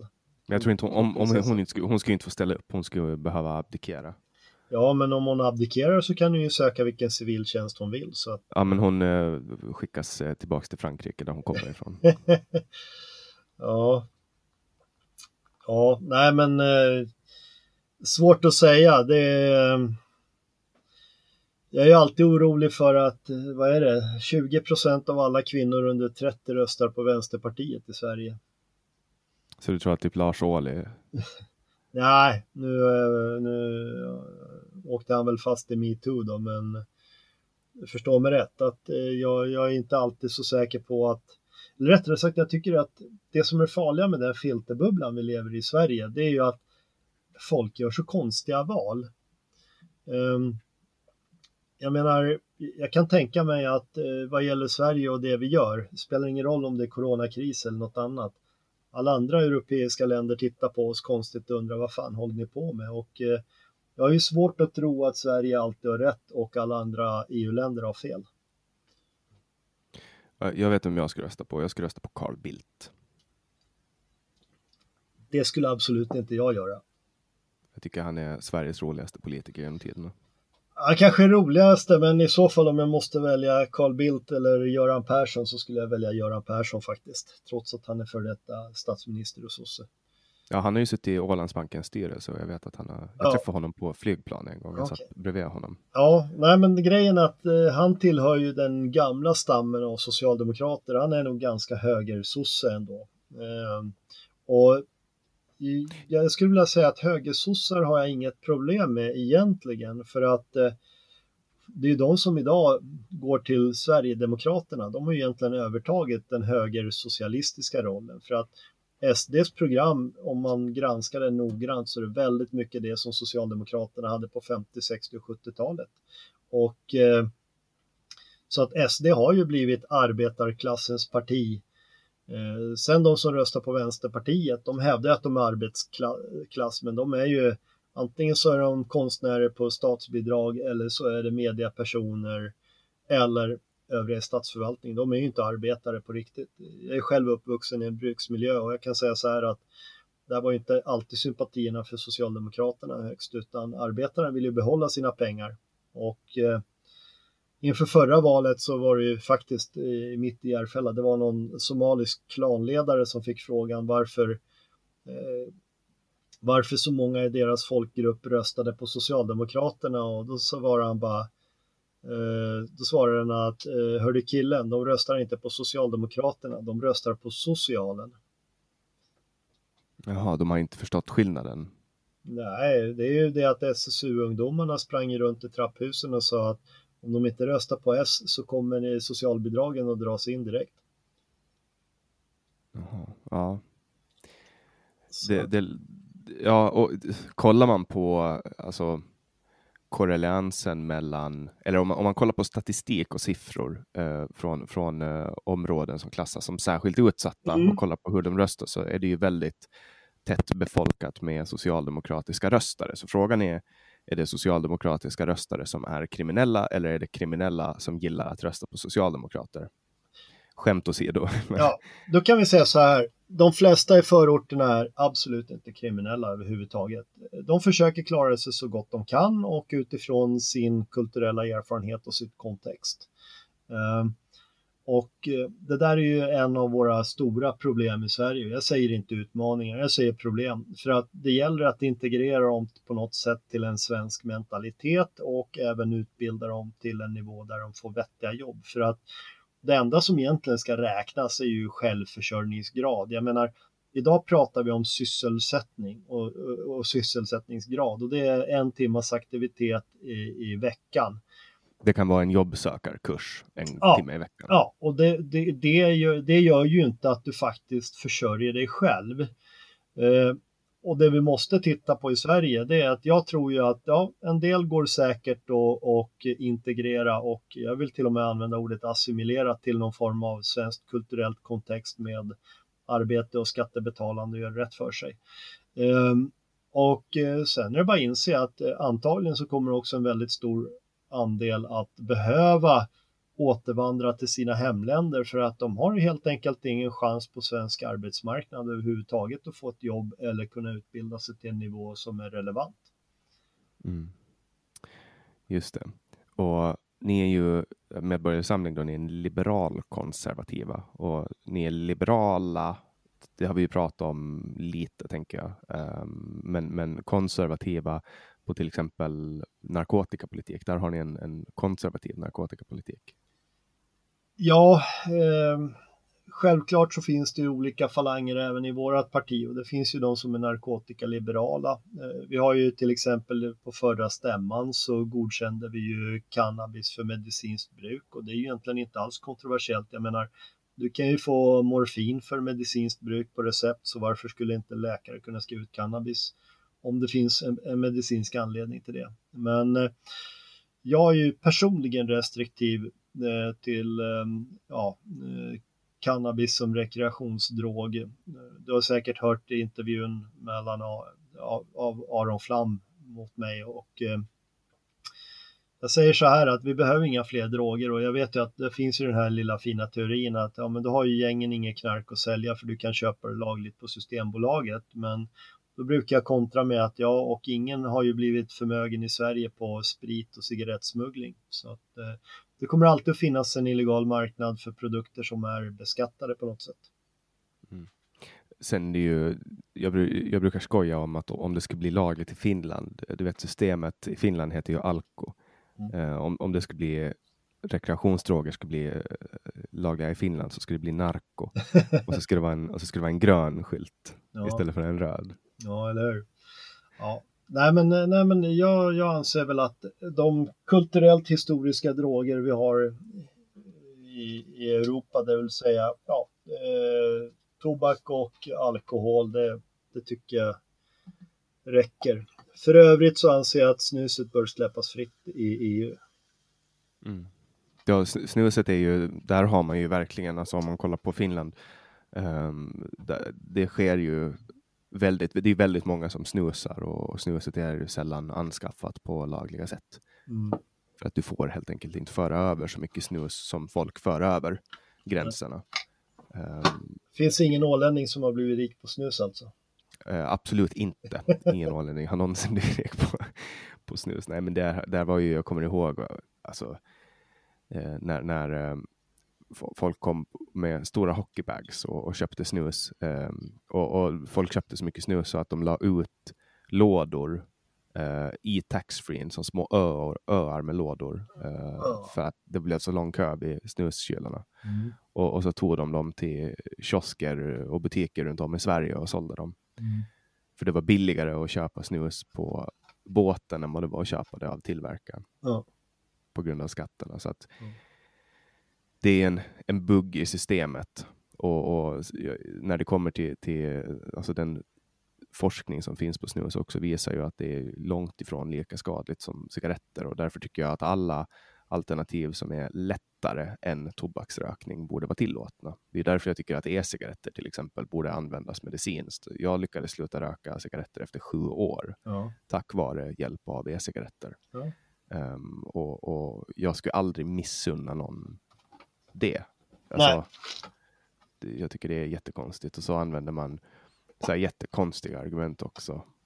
Uh, ja, vi vet inte om långsiktiga effekterna uh, och sådana saker. Ja, men ge ett exempel på svensk politik där man vet de långsiktiga effekterna av en reform. Ja. Jag, jag, tycker det säger sig själv. Alltså, sitter man hellre bredvid någon på ett flygplan som röker en e-cigarett eller en, en cigarett, det är liksom sånt. Ja. Ja. man, behöver, man behöver inte vara väldigt beflugen inom hälsoforskning för att förstå vad som är minst farligt, tycker jag i alla fall. Ja, nej men som jag eh. sa, det det viktiga är i alla fall att, ja, visst, jag förstår, jag förstår behovet av vissa rekreationsdroger, men jag tror att de vi har räcker väldigt långt i alla fall. Mm. Uh, och när det kommer till andra, andra ställen där ni är uttalat konservativa då inom Medborgarsamlingen, har du några exempel på det? Nej, men det är rättspolitiken. Eh, det är ju så att eh, eh, vi, vi har väl faktiskt åsikten att alla kriminella går inte att rehabilitera till samhället och då blir ju faktiskt fängelser det blir ju en förvaring av kriminella som inte kan gå fria ute. Det blir skydd av samhället. Vi, vi vill ju sänka straffrättsåldern till 13 år. Lite grann enligt principen if you can do the crime you can do the time. Jag menar, en 13-åring vet att det är fel att mörda, vet att det är fel att spränga, vet att det är fel att våldta. Eh, det konsekvenstänket har definitivt en 13-åring. Där kan vi ta in en annan rolig aspekt. Eh, det är ju att Miljöpartiet vill ju skydda det här med ja, är du under 21 så ska du få straffrabatt och så vidare och så hävdar de att eh, ja, men är du under 21 så har du ju inte ett fullständigt konsekvenstänk överhuvudtaget. Och Samtidigt så vill de att 16-åringar ska rösta. Ja, då drar jag slutsatsen att eh, Miljöpartiet vill ha 16-åringar som röstar på dem för att de har inte ett konsekvenstänk och inser hur skadlig miljöpartistisk politik är. Så. Det är en slutsats som, som, eh, som absolut går att pröva. jag tycker att det, det är Ja, ja men det, den är ju sann. Jag menar, om du kan acceptera att en 16-åring får rösta, då ska du acceptera att en 16-åring får vara statsminister, en 16-åring ska få eh, köpa alkohol och, och en 16-åring ska få körkort och så vidare. Alltså det, det är så här, tar man i Sverige, jag menar tung lastbil har jag för mig att du måste vara 24 år för att få körkort för. Och det är ju bara för att då anses ju hjärnan vara så pass utvecklad så man klarar av allt konsekvenstänk från lastbilskörandet. Då. Ja, och sen ska man gärna ha några år på vägarna också. ja, precis. Men eh, du kan ju teoretiskt börja ta lastbilskort utan att ha kört bil innan. Så att, ja. Mm. Men, ja, jag, skulle, jag skulle inte göra det. Alltså jag, tänk, jag tänker makten man har med en lastbil, alltså kör, kör du på en, en liten bil då är i tillräckligt hög fart, då är det ja. i de flesta fall så är det en dödsolycka. Ja, så är det ju. Så är det absolut. Så. Eh, kärnkraft, vad, vad anser ni om kärnkraft? Då? Eh, vi är mycket positivt inställda till kärnkraft. Eh, vi bör underhålla de vi har alternativt eh, ersätta dem med nyare och effektivare reaktorer för att eh, kärnkraften är ganska intressant. Det var också en påverkansoperation från Sovjetunionen på 80-talet. Man kopplade ihop eh, kärnkraft med kärnvapen och det här är också en av de här sakerna som kärnkraftsmotståndare av ideologiska skäl inte har förstått att eh, ja, kärnkraft är bra och det behöver inte i alla processer ge restprodukter som eh, kan användas till kärnvapen. Eh, man, borde, man borde ju kalla det för ångturbinkraft. Ja, precis. Och, och, grejen är ju den att faktum är att de två teknologier som man valde mellan på 50 och 60-talet för kärnkraft, det var ju USA som gjorde ett aktivt val just för att få uran till sina kärnvapen. Så att eh, det var ju på grund av det amerikanska behovet eh, av uran till kärnvapenproduktion. Eh, då. Men man kan lika gärna välja teknologier som inte ger den typen av restprodukter. Ja, och nu finns det ju också väldigt stort hopp för framtiden i och med att man tror att man snart kommer att kunna börja öppna upp slutförvaringsplatser och, och ta ut eh, gammalt bränsle och återanvända det i nya reaktorer. Ja, absolut. Om jag förstår rätt så används ungefär 1,5 procent av energin innan det blir eh, avfall idag. Och eh, om jag förstår rätt ifrån de modernare teknologierna så har du mycket högre verkningsgrad. Jag har dock ingen siffra på det. Men Nej, men och där, där skulle det ju också hjälpa om en högteknologisk nation som Sverige skulle vara med och bygga nya reaktorer. Alltså, nu får man ju istället i Sverige med att alla de här Ja, men man kan väl kalla det för någon form av eh, sanktioner mot kärnkraft. Man får inte bygga nya reaktorer i Sverige på grund av ett politiskt beslut. Mm. Eh, var det på 70-talet eller 80-talet? Ja, beslutsläget där idag i Sverige är väl lite oklart kan vi säga. Eh, men eh, om, om vi tar om vi tar rent principiellt då, varför behöver vi mer kärnkraft då? Jo, ta bara det här om vi ska sluta med fossila bränslen, så spelar ingen roll om det är 20, 30 eller 40 eller 50, ja då ska det ersättas med elbilar eller vätgasbilar med bränsleceller. Hur mycket el kommer det att kräva då? Både distributionsnät, eh, du kommer att kräva mer e-, elproduktion och vindkraften är ju bara förödande. Jag menar, titta på Gotland. Jag menar, majoriteten av alla rovdjur, rovfåglar som dör på Gotland dödas ju av vind, vindturbiner. Så att eh, där är man ju definitivt inte djurvän om man är för vindkraft. Eh, dessutom man har inte utrett de långsiktiga effekterna av infraljud för både vad gäller djur och människor. Hur påverkar det oss? Och infraljud vet man ju från medicinen att den är inte nyttig. Så att ehm, plus att det estetiska en massa vindkraftverk ute i skärgården eller i fjällen är ju förkastligt. Ja, och sen är det inte effektivt. Nej. Och det är inte så att där, där, alltså där, jag tycker att det är så konstigt att man, att man har lyckats klämma in ens, alltså för att de, de flesta jag träffar som är emot kärnvapen har väldigt svårt att argumentera för varför. Och de har heller ingen insikt i eh, pro-kärnkraft, de vetenskapliga argumenten som finns för det. Nej. De, de flesta förstår inte ens hur en kärnreaktor fungerar. De, de, flesta vet inte ens att det drivs av ångturbiner. Det är en vattenkokare. Ja, eller att det är eh, väldigt säkert.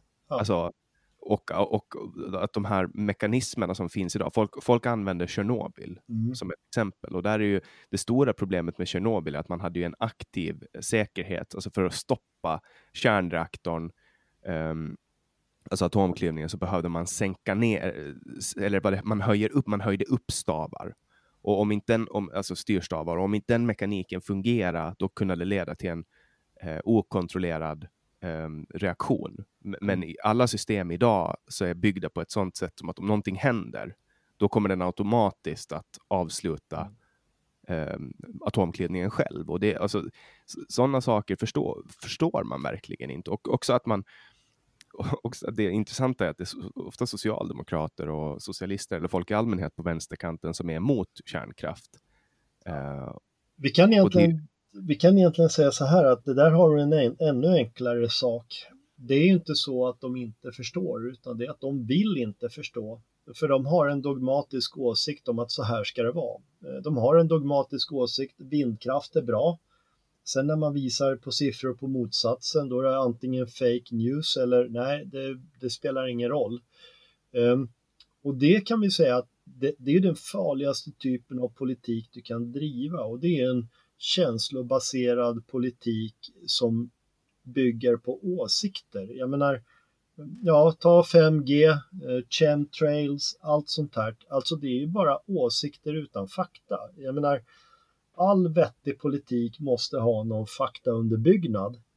Det, det, är ju, det är ju det som funkar och det är ju faktiskt en av våra saker om vi ska tala om varför med är konservativt. Ja, men vi anser att vi ska inte använda oss av en massa känsloargument utan vi ska använda oss av fakta för det är, det är någonting vi vetenskapligt kan bevisa. Sen kommer det alltid finnas politikområden som är lite mer känslostyrda men där kan man ju också vara rationell och fundera på varför känner jag si eller så. Det är ungefär som folk som ja, är motståndare till eh, ja, homosexuella äktenskap eller homosex överhuvudtaget. Och då brukar jag säga ibland som det var någon amerikan som sa If you don't like gay sex, don't practice it.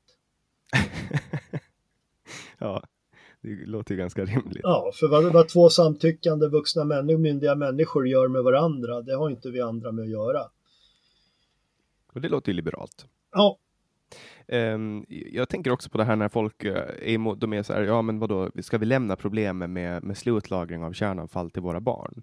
Men det jag tänker så här, just den platsen, det finns ju gott om uh, berg uh, i världen och gräver man ett väldigt, väldigt djupt hål, stoppar in eh, radioaktivt material och täpper det hålet. Det, det, må vara en dålig taktik, men sannolikheten att någon kommer att och, men, gräva sig in i det där hålet, speciellt om, om man lyckas på något sätt nedärva den kollektiva kunskapen om var de här finns, så är det ju inte, alltså det finns ju platser på jorden som inte har varit exponerade för syre på miljoner år.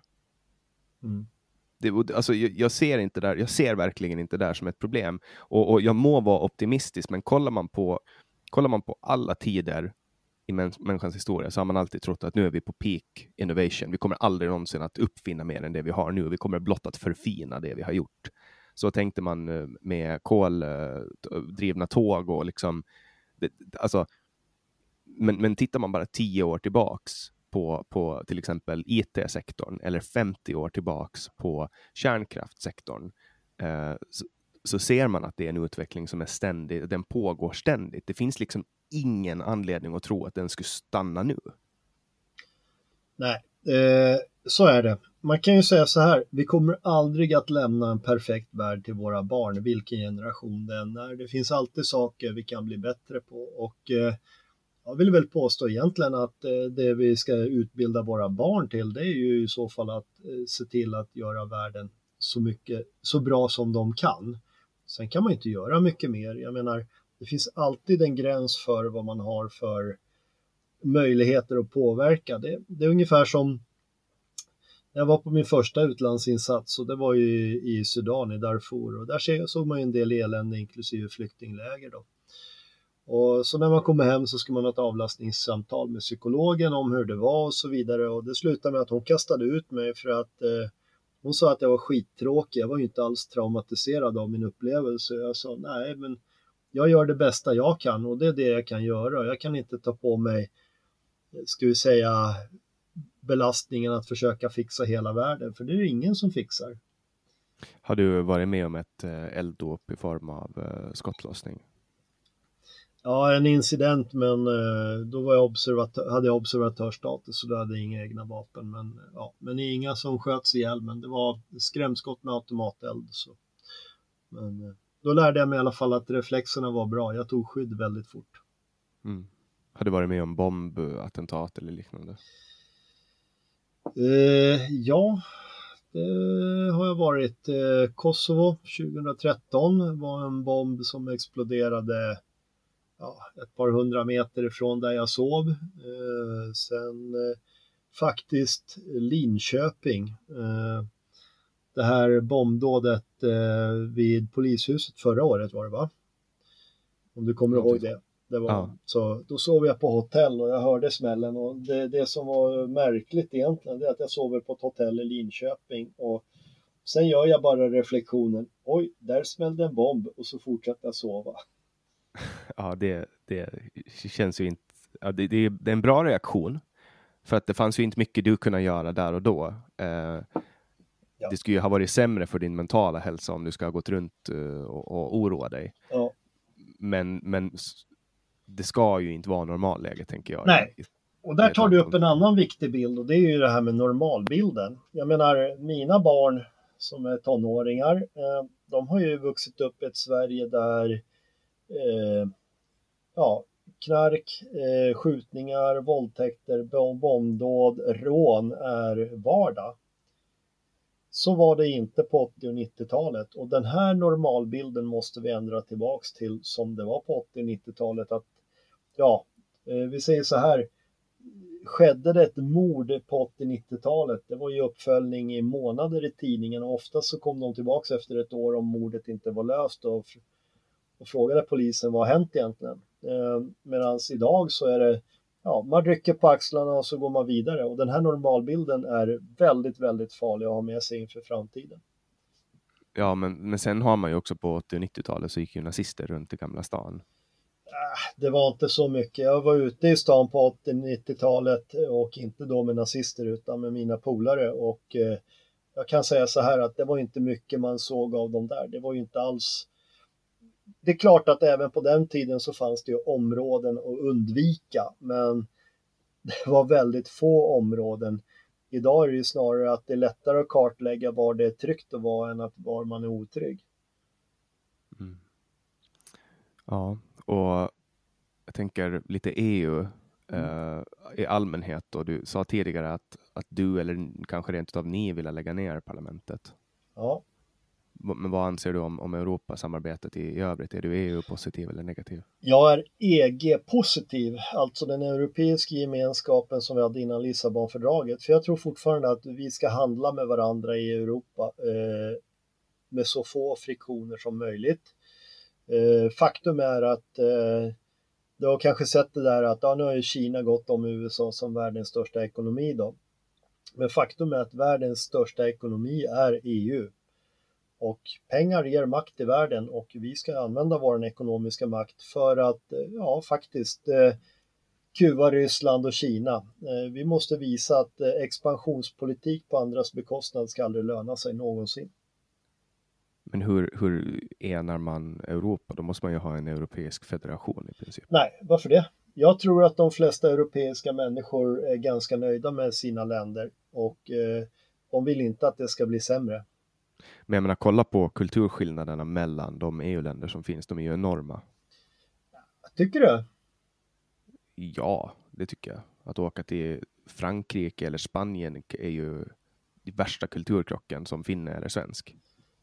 Ja, jag har kanske haft fördelen av att jag har ändå varit ute så pass mycket så att eh, jag, jag är väl lite av en världsmedborgare och eh, reflekterar inte över det utan Eh, de flesta människor i Europa går att förstå sig på. De är ganska rationella utifrån sina perspektiv.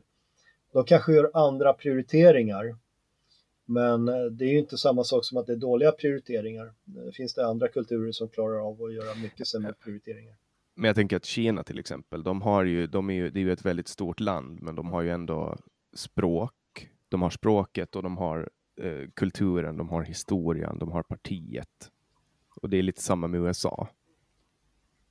Ja, um, ja men jag skulle säga så här att europeiska ungdomar är ganska internationella i gemen vill jag påstå. Det, ungdomar, ja, där, där, det håller jag med om. Ja, det, det är ändå de vi bygger vår framtid. vi bygger grunden för deras framtid. Det, det, det är inte så att eh, vi tror att vi ska leva en all evighet utan eh, vi bygger deras eh, framtida plattform och, som de kan bygga vidare på. Mm.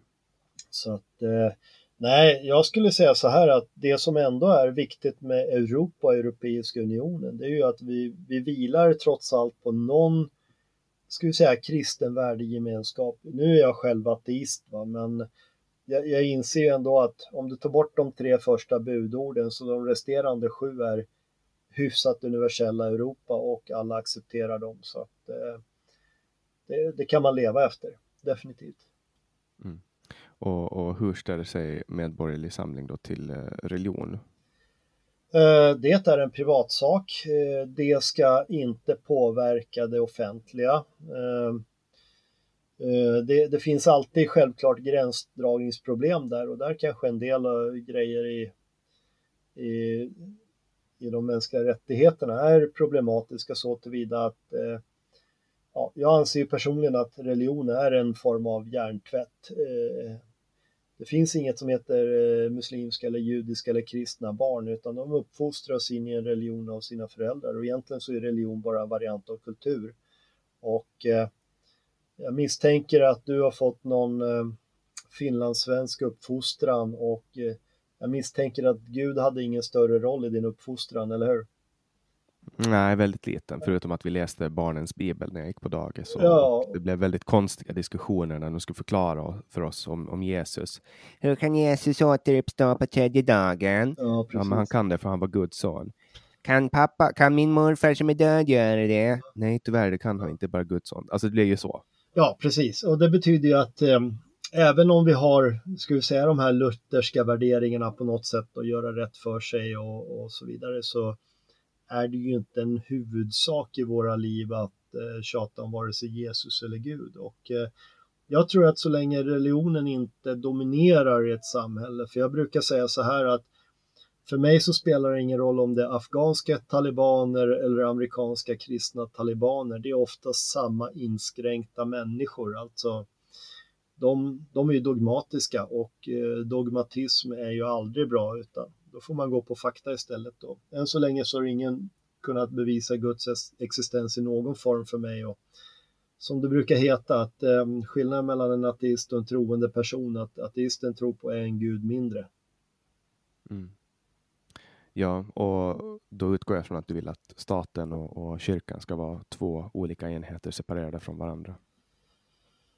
Ja, alla former av statsstyrd religion är ju dåligt för att tvinga ju folk in i någonting som inte är sunt i grunden. Jag menar, för mig är ju kommunism lika mycket religion som eh, nazism eller kristendom eller islam för att eh, det är bara att inse att eh, ja, ja, det är, det är väl en föreställning folk får ha, men det är ju fortfarande bara föreställningar, det är ju inte fakta, det är inte, det är inte så att säga rätt i sak för det. Mm. Och jag läste häromdagen att eh, Medborgerlig Samling har gått ut med ett eh, uttalande eh, där man då går ut och, och, tar avstånd eller tar avstånd till man förklarar varför man inte står bakom Black Lives Matter. Mm. Eh, bra det. Vad, vad tänker du om, om det? Vill ja. du berätta lite om bakgrunden till att ni tog avstånd? Eller åtminstone inte backa upp dem?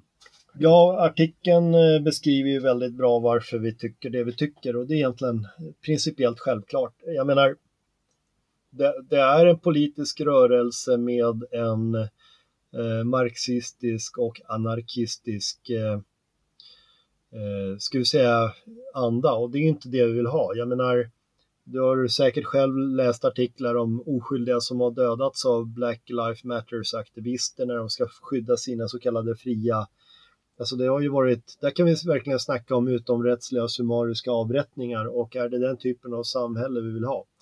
Absolut inte. Eh, för oss är det viktigt att det är staten som står för våldsmonopolet. Självklart anser vi att individer ska ha rätt till självförsvar. Det är en naturrätt som jag ser det. Kort och gott, eh, om någon hoppar på dig så ska du absolut ha rätt att försvara dig med våld och med det våld som behövs. Så att eh, i det perspektivet. Men det betyder inte att eh, du kan gå omkring och spöa på alla grannar som du tycker har gjort eh, oförrätter mot dig, utan där är det ju samhället som ska sköta. Mm. För nu är det ju det man protesterar mot, det är ju polisvåld. Och, och där är det ju, det är ungefär det som du eh, påpekar där, att, man, att det är staten som ska ha våld, våldsmonopolet. Men, men enligt de här inom Black Lives Matters-rörelsen, då är ju våldsmonopolet problemet, att det, det överutnyttjas? Vi kan säga så här att eh, om du avstår en kriminell karriär så är sannolikheten för att råka ut för polisvåld 0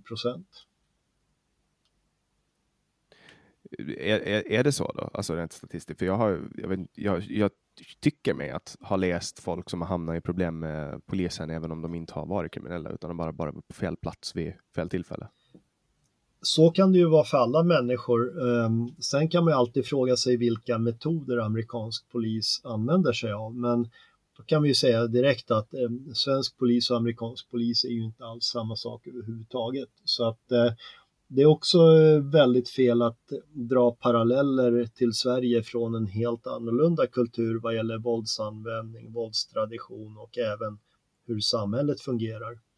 Så att eh, vi måste alltid anpassa politiken till ett svenskt kontext och det, det är de omständigheter som råder här. Mm. Vad tänker du när, när eh, myndigheter och, och sånt då hakar på det här, Black Lives Matters? Ja, det finns för det första ingen anledning för svenska myndigheter att haka på sånt, för det, då har man ju gjort helt fel i sin samhällsanalys av hur Sverige ser ut överhuvudtaget. Jag menar, svensk polis är inte rasistisk. Eh, eh, svensken i gemen är inte rasistisk. Jag menar, World Value Survey visar väldigt väl att Sverige är väl antagligen ett av de länder i världen som är minst rasistiskt. Och har rasismen ökat i Sverige sedan 2000 så vill jag nog hävda att den är väldigt importerad. Det är inte då eh, svenskar i flera generationer som är rasister. Mm. För jag menar myndigheter får ju till exempel gå ut och stödja eh, alltså Pride-rörelsen med en Pride-flagga just för att det stämmer överens med deras värdegrund. Och, och det är ju det som, som jag har hört som argument varför myndigheter som till exempel den här polisen då, som knäböjde för pro pro protesterna, eh, att de kan gå ut med det här eftersom de delar värde, värdegrund med Black Lives Matter. Just det här med att man, man står för att eh, svarta personer ska ha samma rättigheter som alla andra. Ja, men det är ju inte det Black Lives Matter hävdar och eh, jag är helt säker på att Polismyndigheten har inte gått ut med någonting som säger att de står bakom Black Lives Matter och deras program. Jag har inte hört om disciplin, alltså jag har inte hört om något disciplinärende för. Du tänkte på hon som knäböjde? Ja. Jag tror att med tanke på semestertider och eh, svensk eh, byråkratisk tröghet så är nog det ärendet inte avgjort än på något sätt. Och med tanke på vårat eh, bristande tjänsteansvar så skulle hon väl antagligen bara få ett eh, så kallat uppbyggligt samtal med sin chef eller något sånt där. Mm. Ja, eh, ni kallar, ni kallar eh, Black Lives, eh, jag säger det fel hela tiden, Black Lives Matter. Ni kallar det för en vulgär marxistisk organisation eller ideologi som är vulgärmarxistisk. Vad menar ni med det? Det räcker med att läsa deras eh, program. Jag menar, marxismen i sig själv är väl en vulgär ideologi, men de här har ju dragit det sin anarkistiska extrem. Med utomparlamentariska metoder? Och så ja, ja, vi kan snacka om utomrättsliga avrättningar. Det räcker väl med den biten. Vi är ju självklart motståndare till dödsstraff. Jag menar, det har man inte i ett civiliserat land. Och de här de här är ju bara anarkistiska gangsters som ja, använder vapnets makt för att få som de vill. Det finns ju ingen juridisk eller någon annan eftertanke, det är annat än någon perverterad självtillfredsställelse. Men hur kan det komma äh, sig att om, om det är som, som man skriver i den här, um, det här uttalandet, hur kan det komma sig att så många ställer sig bakom det? Det är ju även uh, centerpartister, moderater, jag har sett alla möjliga ställa sig bakom BLM. Lata okunniga politiker som inte bryr sig. För jag har ju även sett företag som går ut och, ja. och signalerar. Ja, och det är inga företag jag skulle handla av. Jag tycker man ska bojkotta den typen av företag som eh, stöttar eh, den här typen av eh, rörelser. Det, det är dåligt. Mm. Det har väckt lite, det har väckt lite ont blod här på Åland också eh, hos vissa för att nu, nu, ska, nu ska det hållas en, en BLM demonstration här lite sent mm. om sidor. Uh, så nu har även debatten lokalt kommit hit till Åland och jag tycker att det vi, vi har ju en polisstyrka som är utomordentligt fantastiskt otroligt bra. Om än lite långsam ibland, men alltså jag tänker på handläggning av ärenden. Men, men alltså, vi har ju absolut inga problem, vad jag kan se i alla fall, eller har sett med strukturell rasism eller polisvåld. Mm. Och där, där, det är väl det som folk reagerar lite på. Att man, för att samtidigt, när, man, när man ger stöd för, för en organisation, då på något sätt så enligt den logik som har gått eh, i den offentliga debatten länge, då stöder man ju allt. Mm. Det är som, man kan ju inte... Ah, jag ska inte dra några jämförelser, för folk blir bara arga då. Men, Mm. men, men man, man anammar ju och legitimerar ju en rörelse. Och är det så att det har skett mord, eh, som du säger då, i BLMs namn, då är, ju det, en, då är det ju en värt att ta sig en funderare på om man, om man vill koppla sig. För man vet ju inte vad som händer i framtiden. Det kanske bryter ur sig i en extremistisk falang och helt plötsligt så har man eh, någon form av terrorist. Jag vet inte, alltså, men ja.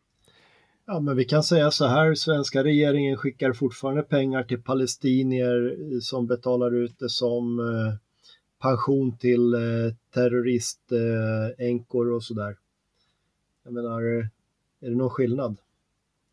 Det är ju förkastligt att stötta terroriströrelser. Det var bara här i veckan så Vänsterpartiet skickar pengar till ett antal icke-demokratiska rörelser. Jag anser ju att alla, alla icke-demokratiska rörelser är ju i grunden skadliga. För att de är, är emot demokrati eller för att de inte är demokrati? Både och. De är ju emot demokrati, eller rättare sagt demokrati är okej så länge man tycker exakt som dem. Det är ju en, det är signifikant för alla totalitära rörelser. Mm. Just det. Och när det kommer till till exempel eh, Pride då, som är en annan stor folkrörelse, hur, hur ställer sig eh, eh Medborgerlig Samling där? Nu vet jag ju att, att er partiledare är homosexuell, så jag kan tänka mig att ni i grund och botten är positiva. Det är lite som ett jag kan tänka mig att det är svårt att dra in homofober i ett parti där partiledaren är homosexuell, men har ni någon princip eh, utlagd i ert idéprogram angående det? Inte om Pride, men eh, man kan ju säga så här i grunden så kan man ju säga att eh, hbtq-personer har precis samma rätt till eh, frihet att leva som de vill som alla andra. Det är ju vår grundinställning. Sen vad gäller Pride så är det ju en Eh, tyvärr av vänstern kapade folkrörelse också. Sen vet jag inte hur stor den folkrörelsen är i sak egentligen. Det, det, den är nog inte så här jättestor, men de har ju på grund av att än en gång filterbubblan svensk media framhåller Pride så kommer den ju få mer plats i media än kanske de skulle fått i ett annat lite mer normalt land. Mm, som, som feministiskt initiativ då?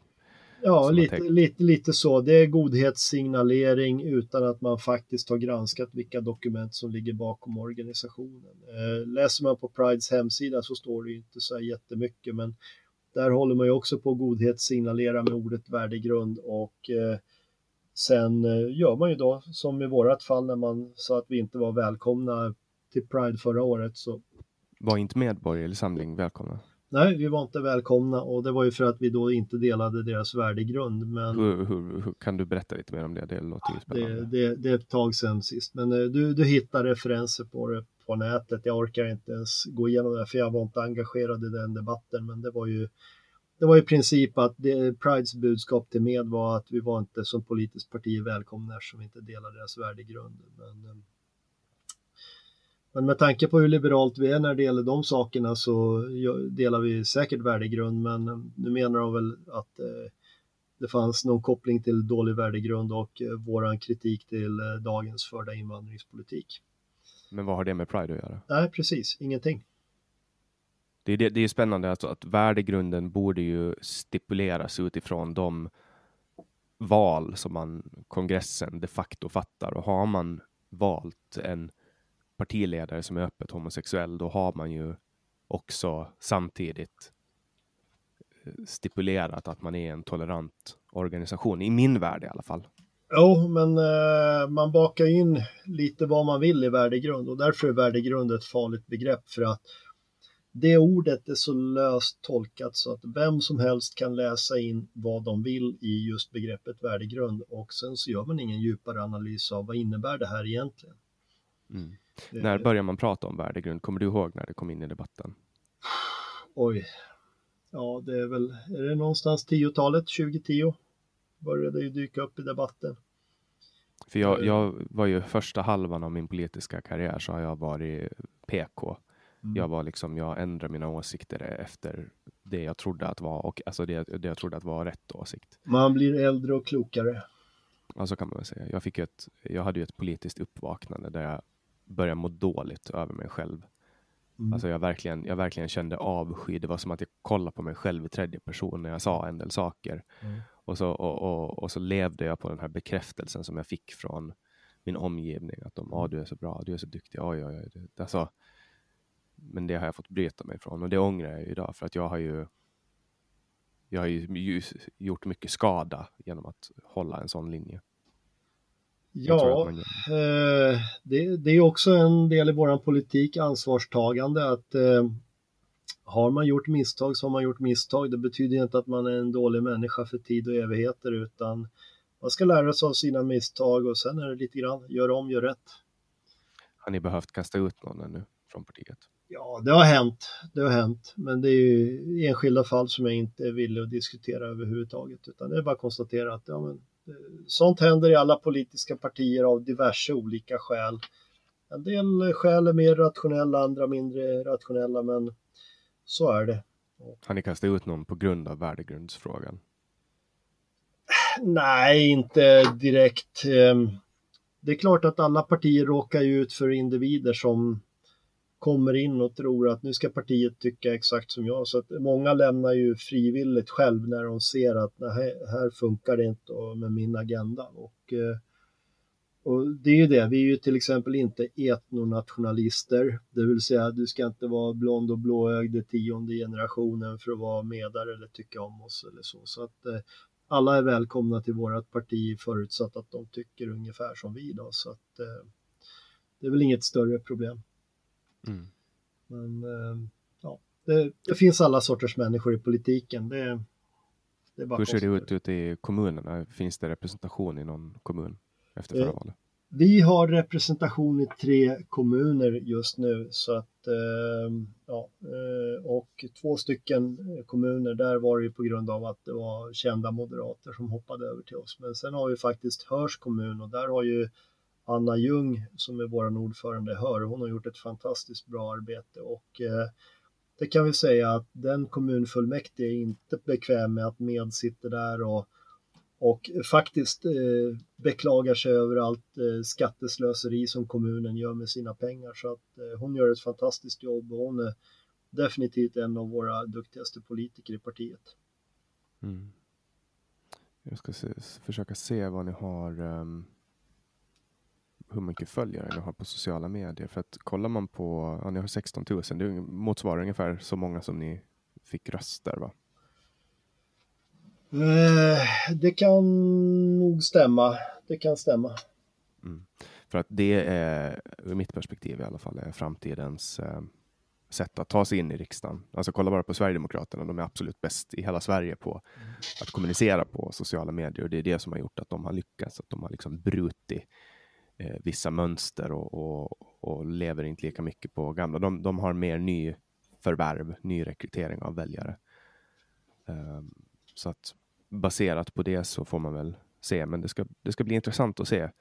Eh, jag, jag, jag tycker ju att det är ganska ironiskt, alltså om man kollar på hur många debatter som Feministiskt initiativ fick vara med i, som inte ens är ett riksdagsparti. Mm. Och så jämför man det med antal ja, men debatter eller vilken, vilket nyckeltal som helst egentligen, där man jämför med, med med som är hälften, så, som i slutändan de blev hälften, så eh, fick hälften så många röster som, Mm. som FI, men ändå fick FI väldigt, väldigt, väldigt mycket täckning av media och hjälp. Men eh, det är ju som du säger, det är ganska svårt för, för ett nytt parti att, att dra fäste och när man väl får, börjar få det här partistödspengarna så är det ju väldigt svårt för nya små partier att konkurrera mot den marknadsföring och de priserna som drivs upp för annonsplatser. Ja. Det, det är ju vettlösa priser som du drar upp och det är vettlösa pengar eh, riksdagspartierna har råd att lägga. Och det är, det är lite som en, det är nästan som att man har skapat ett system där inte nya partier ska kunna få slå rot. Känns det som för mig i alla fall. Ja, eller socialdemokratiska lottförsäljningar, vet du. Det är, det är hundratals miljoner det. Ja, de är väl skattefria också? Va? Jag har inte exakt koll på det systemet, men bara det att ett politiskt parti får ha lotteriverksamhet för att bekosta sin verksamhet, det är ju skrämmande. Mm. Frågan är om det kommer att uh, förändras när man har en socialdemokratisk regering. Det är det som är. Nej, det är klart det inte gör. Det är, än en gång, de tycker att de gör rätt och då, då är det okej. Okay. sossarna är världsmästare på konststycket att säga it's okay when we do it. Mm. Så att är det sossar som gör något, då är det bra. Är det någon annan som gör samma sak så är det dåligt. Mm. Klimatpolitik, hur, hur ställer sig med där? Ja, alltså i grunden så har vi en konservativ princip som vi håller ganska kär och det är ju försiktighetsprincipen. Eh, kort och gott, man ska ju inte experimentera onödan eh, och, och, så vidare. Och vad gäller klimatpolitik så av flera skäl så, ja, fossilbränslen måste ju bort av flera skäl, både internationella och ekonomiska skäl, men eh, även på grund av klimat då. Men eh, där ser vi ju som att idag är det väldigt ensidigt eh, för el. Eh, frågan är, finns det inte andra alternativ som kan vara minst lika intressanta?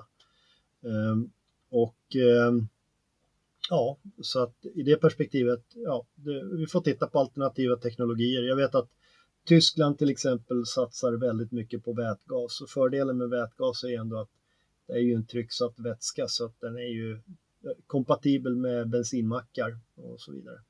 Plus att dessutom skulle man köra bränslecellsbilar så kanske det räcker med en batterikapacitet som en fjärdedel av de rena elbilarna så att det skulle antagligen bli en miljövinst där med tanke på användning av eh, då jordartsmetaller och, och, så vidare. Så att, eh, ja. Men självklart så är vi miljövänliga och en del av vår miljövänlighet är ju definitivt att vi vill ha mer kärnkraft. Mm. Och er um, partisymbol, vad, det, det, det, är någon form av löv? Vilket löv är det? Eklöv och eklöv. den är ju blågrön för vi säger att vi är det blågröna partiet. Vad är det som gör det till gröna då? Ja, det är ju våra miljövänlighet då. Just det. Ja, och det har ju varit väldigt mycket fokus på. är att vi är borgerliga eller ja, så, så, att, eh, så att det är ett blågrönt parti och eh, eklövet eh, symboliserar att eken är ett långlivat träd och eh, det innebär att vi anser att våran politik ska vara hållbar över tiden också, att det inte är några tillfälliga modeflugor, vad som är senaste politiken och så vidare. Mm. Ek är ju också ett väldigt fint byggmaterial för till exempel ett köksbord. Man får robusta, stadiga ja, köksbord. Det är ett bra träslag. Mm. Uh, ja, Nej, men jag, jag tycker att uh, jag har fått en, en, bättre bild. Jag har ganska länge funderat på att få med någon uh, från Medborgerlig Samling och nu tycker jag att jag har fått en ganska bra bild av det. Ja. och Det var jättekul att du kom med mm. och jag hoppas att att vi får möjlighet att, att ses någon gång i framtiden. Vi kommer sannolikt att stöta på varandra. Det känns som Sverige är ganska litet och jag flyttar ju tillbaka till Sverige nu efter sommaren. Okay. Och till alla er som har lyssnat tackar jag för att ni har tagit er ända till det bittra slutet. Kanske inte så jättebittert, men eh, jag vill påminna er om att den här podden är helt eh, frivilligt driven av mig och ni får gärna donera eh, till det här projektet på Patreon, www.patreon.com samtal eller genom Swish på nummer 070 3522 472. Ni kan också donera via Paypal på janniksvensson.yahoo.se. Eh, ni hittar samtliga länkar och information för var ni kan donera på min hemsida www.samtal.ax där finns också en länk till en diskussionsgrupp eh, som jag har eh, med anledning av podden och ni får väldigt gärna gå med i den. På hemsidan kan ni också tipsa om andra gäster som ni känner att ni vill höra här i podden. Vi släpper nya samtal alla onsdagar året runt. Jag heter Jannik Svensson och du har lyssnat på podcasten Samtal. Hej, it's Paige DeSorbo from Giggly Squad. High quality fashion without the price tag. Say hello to Quince. I'm snagging high-end essentials like cozy cashmere sweaters, sleek leather jackets, fine jewelry, and so much more. With Quince being 50 to 80% less than similar brands and they partner with factories that prioritize safe ethical and responsible manufacturing i love that luxury quality within reach go to quince.com slash style to get free shipping and 365 day returns on your next order quince.com slash style when you make decisions for your company you look for the no-brainers And if you have a lot of mailing to do, stamps.com is the ultimate no brainer. It streamlines your processes to make your business more efficient, which makes you less busy. Mail checks, invoices, legal documents, and everything you need to keep your business running with stamps.com. Seamlessly connect with every major marketplace and shopping cart. Schedule package pickups and see your cheapest and fastest shipping options from different carriers with rates up to 89% off USPS and UPS rates. And with the stamps.com mobile app, you can take care of mailing and shipping wherever you are. Make the same no-brainer decision as over 1 million other businesses with stamps.com. Sign up with code program for a 4-week trial plus free postage and a free digital scale. No long-term commitments or contracts. That's stamps.com. Code program.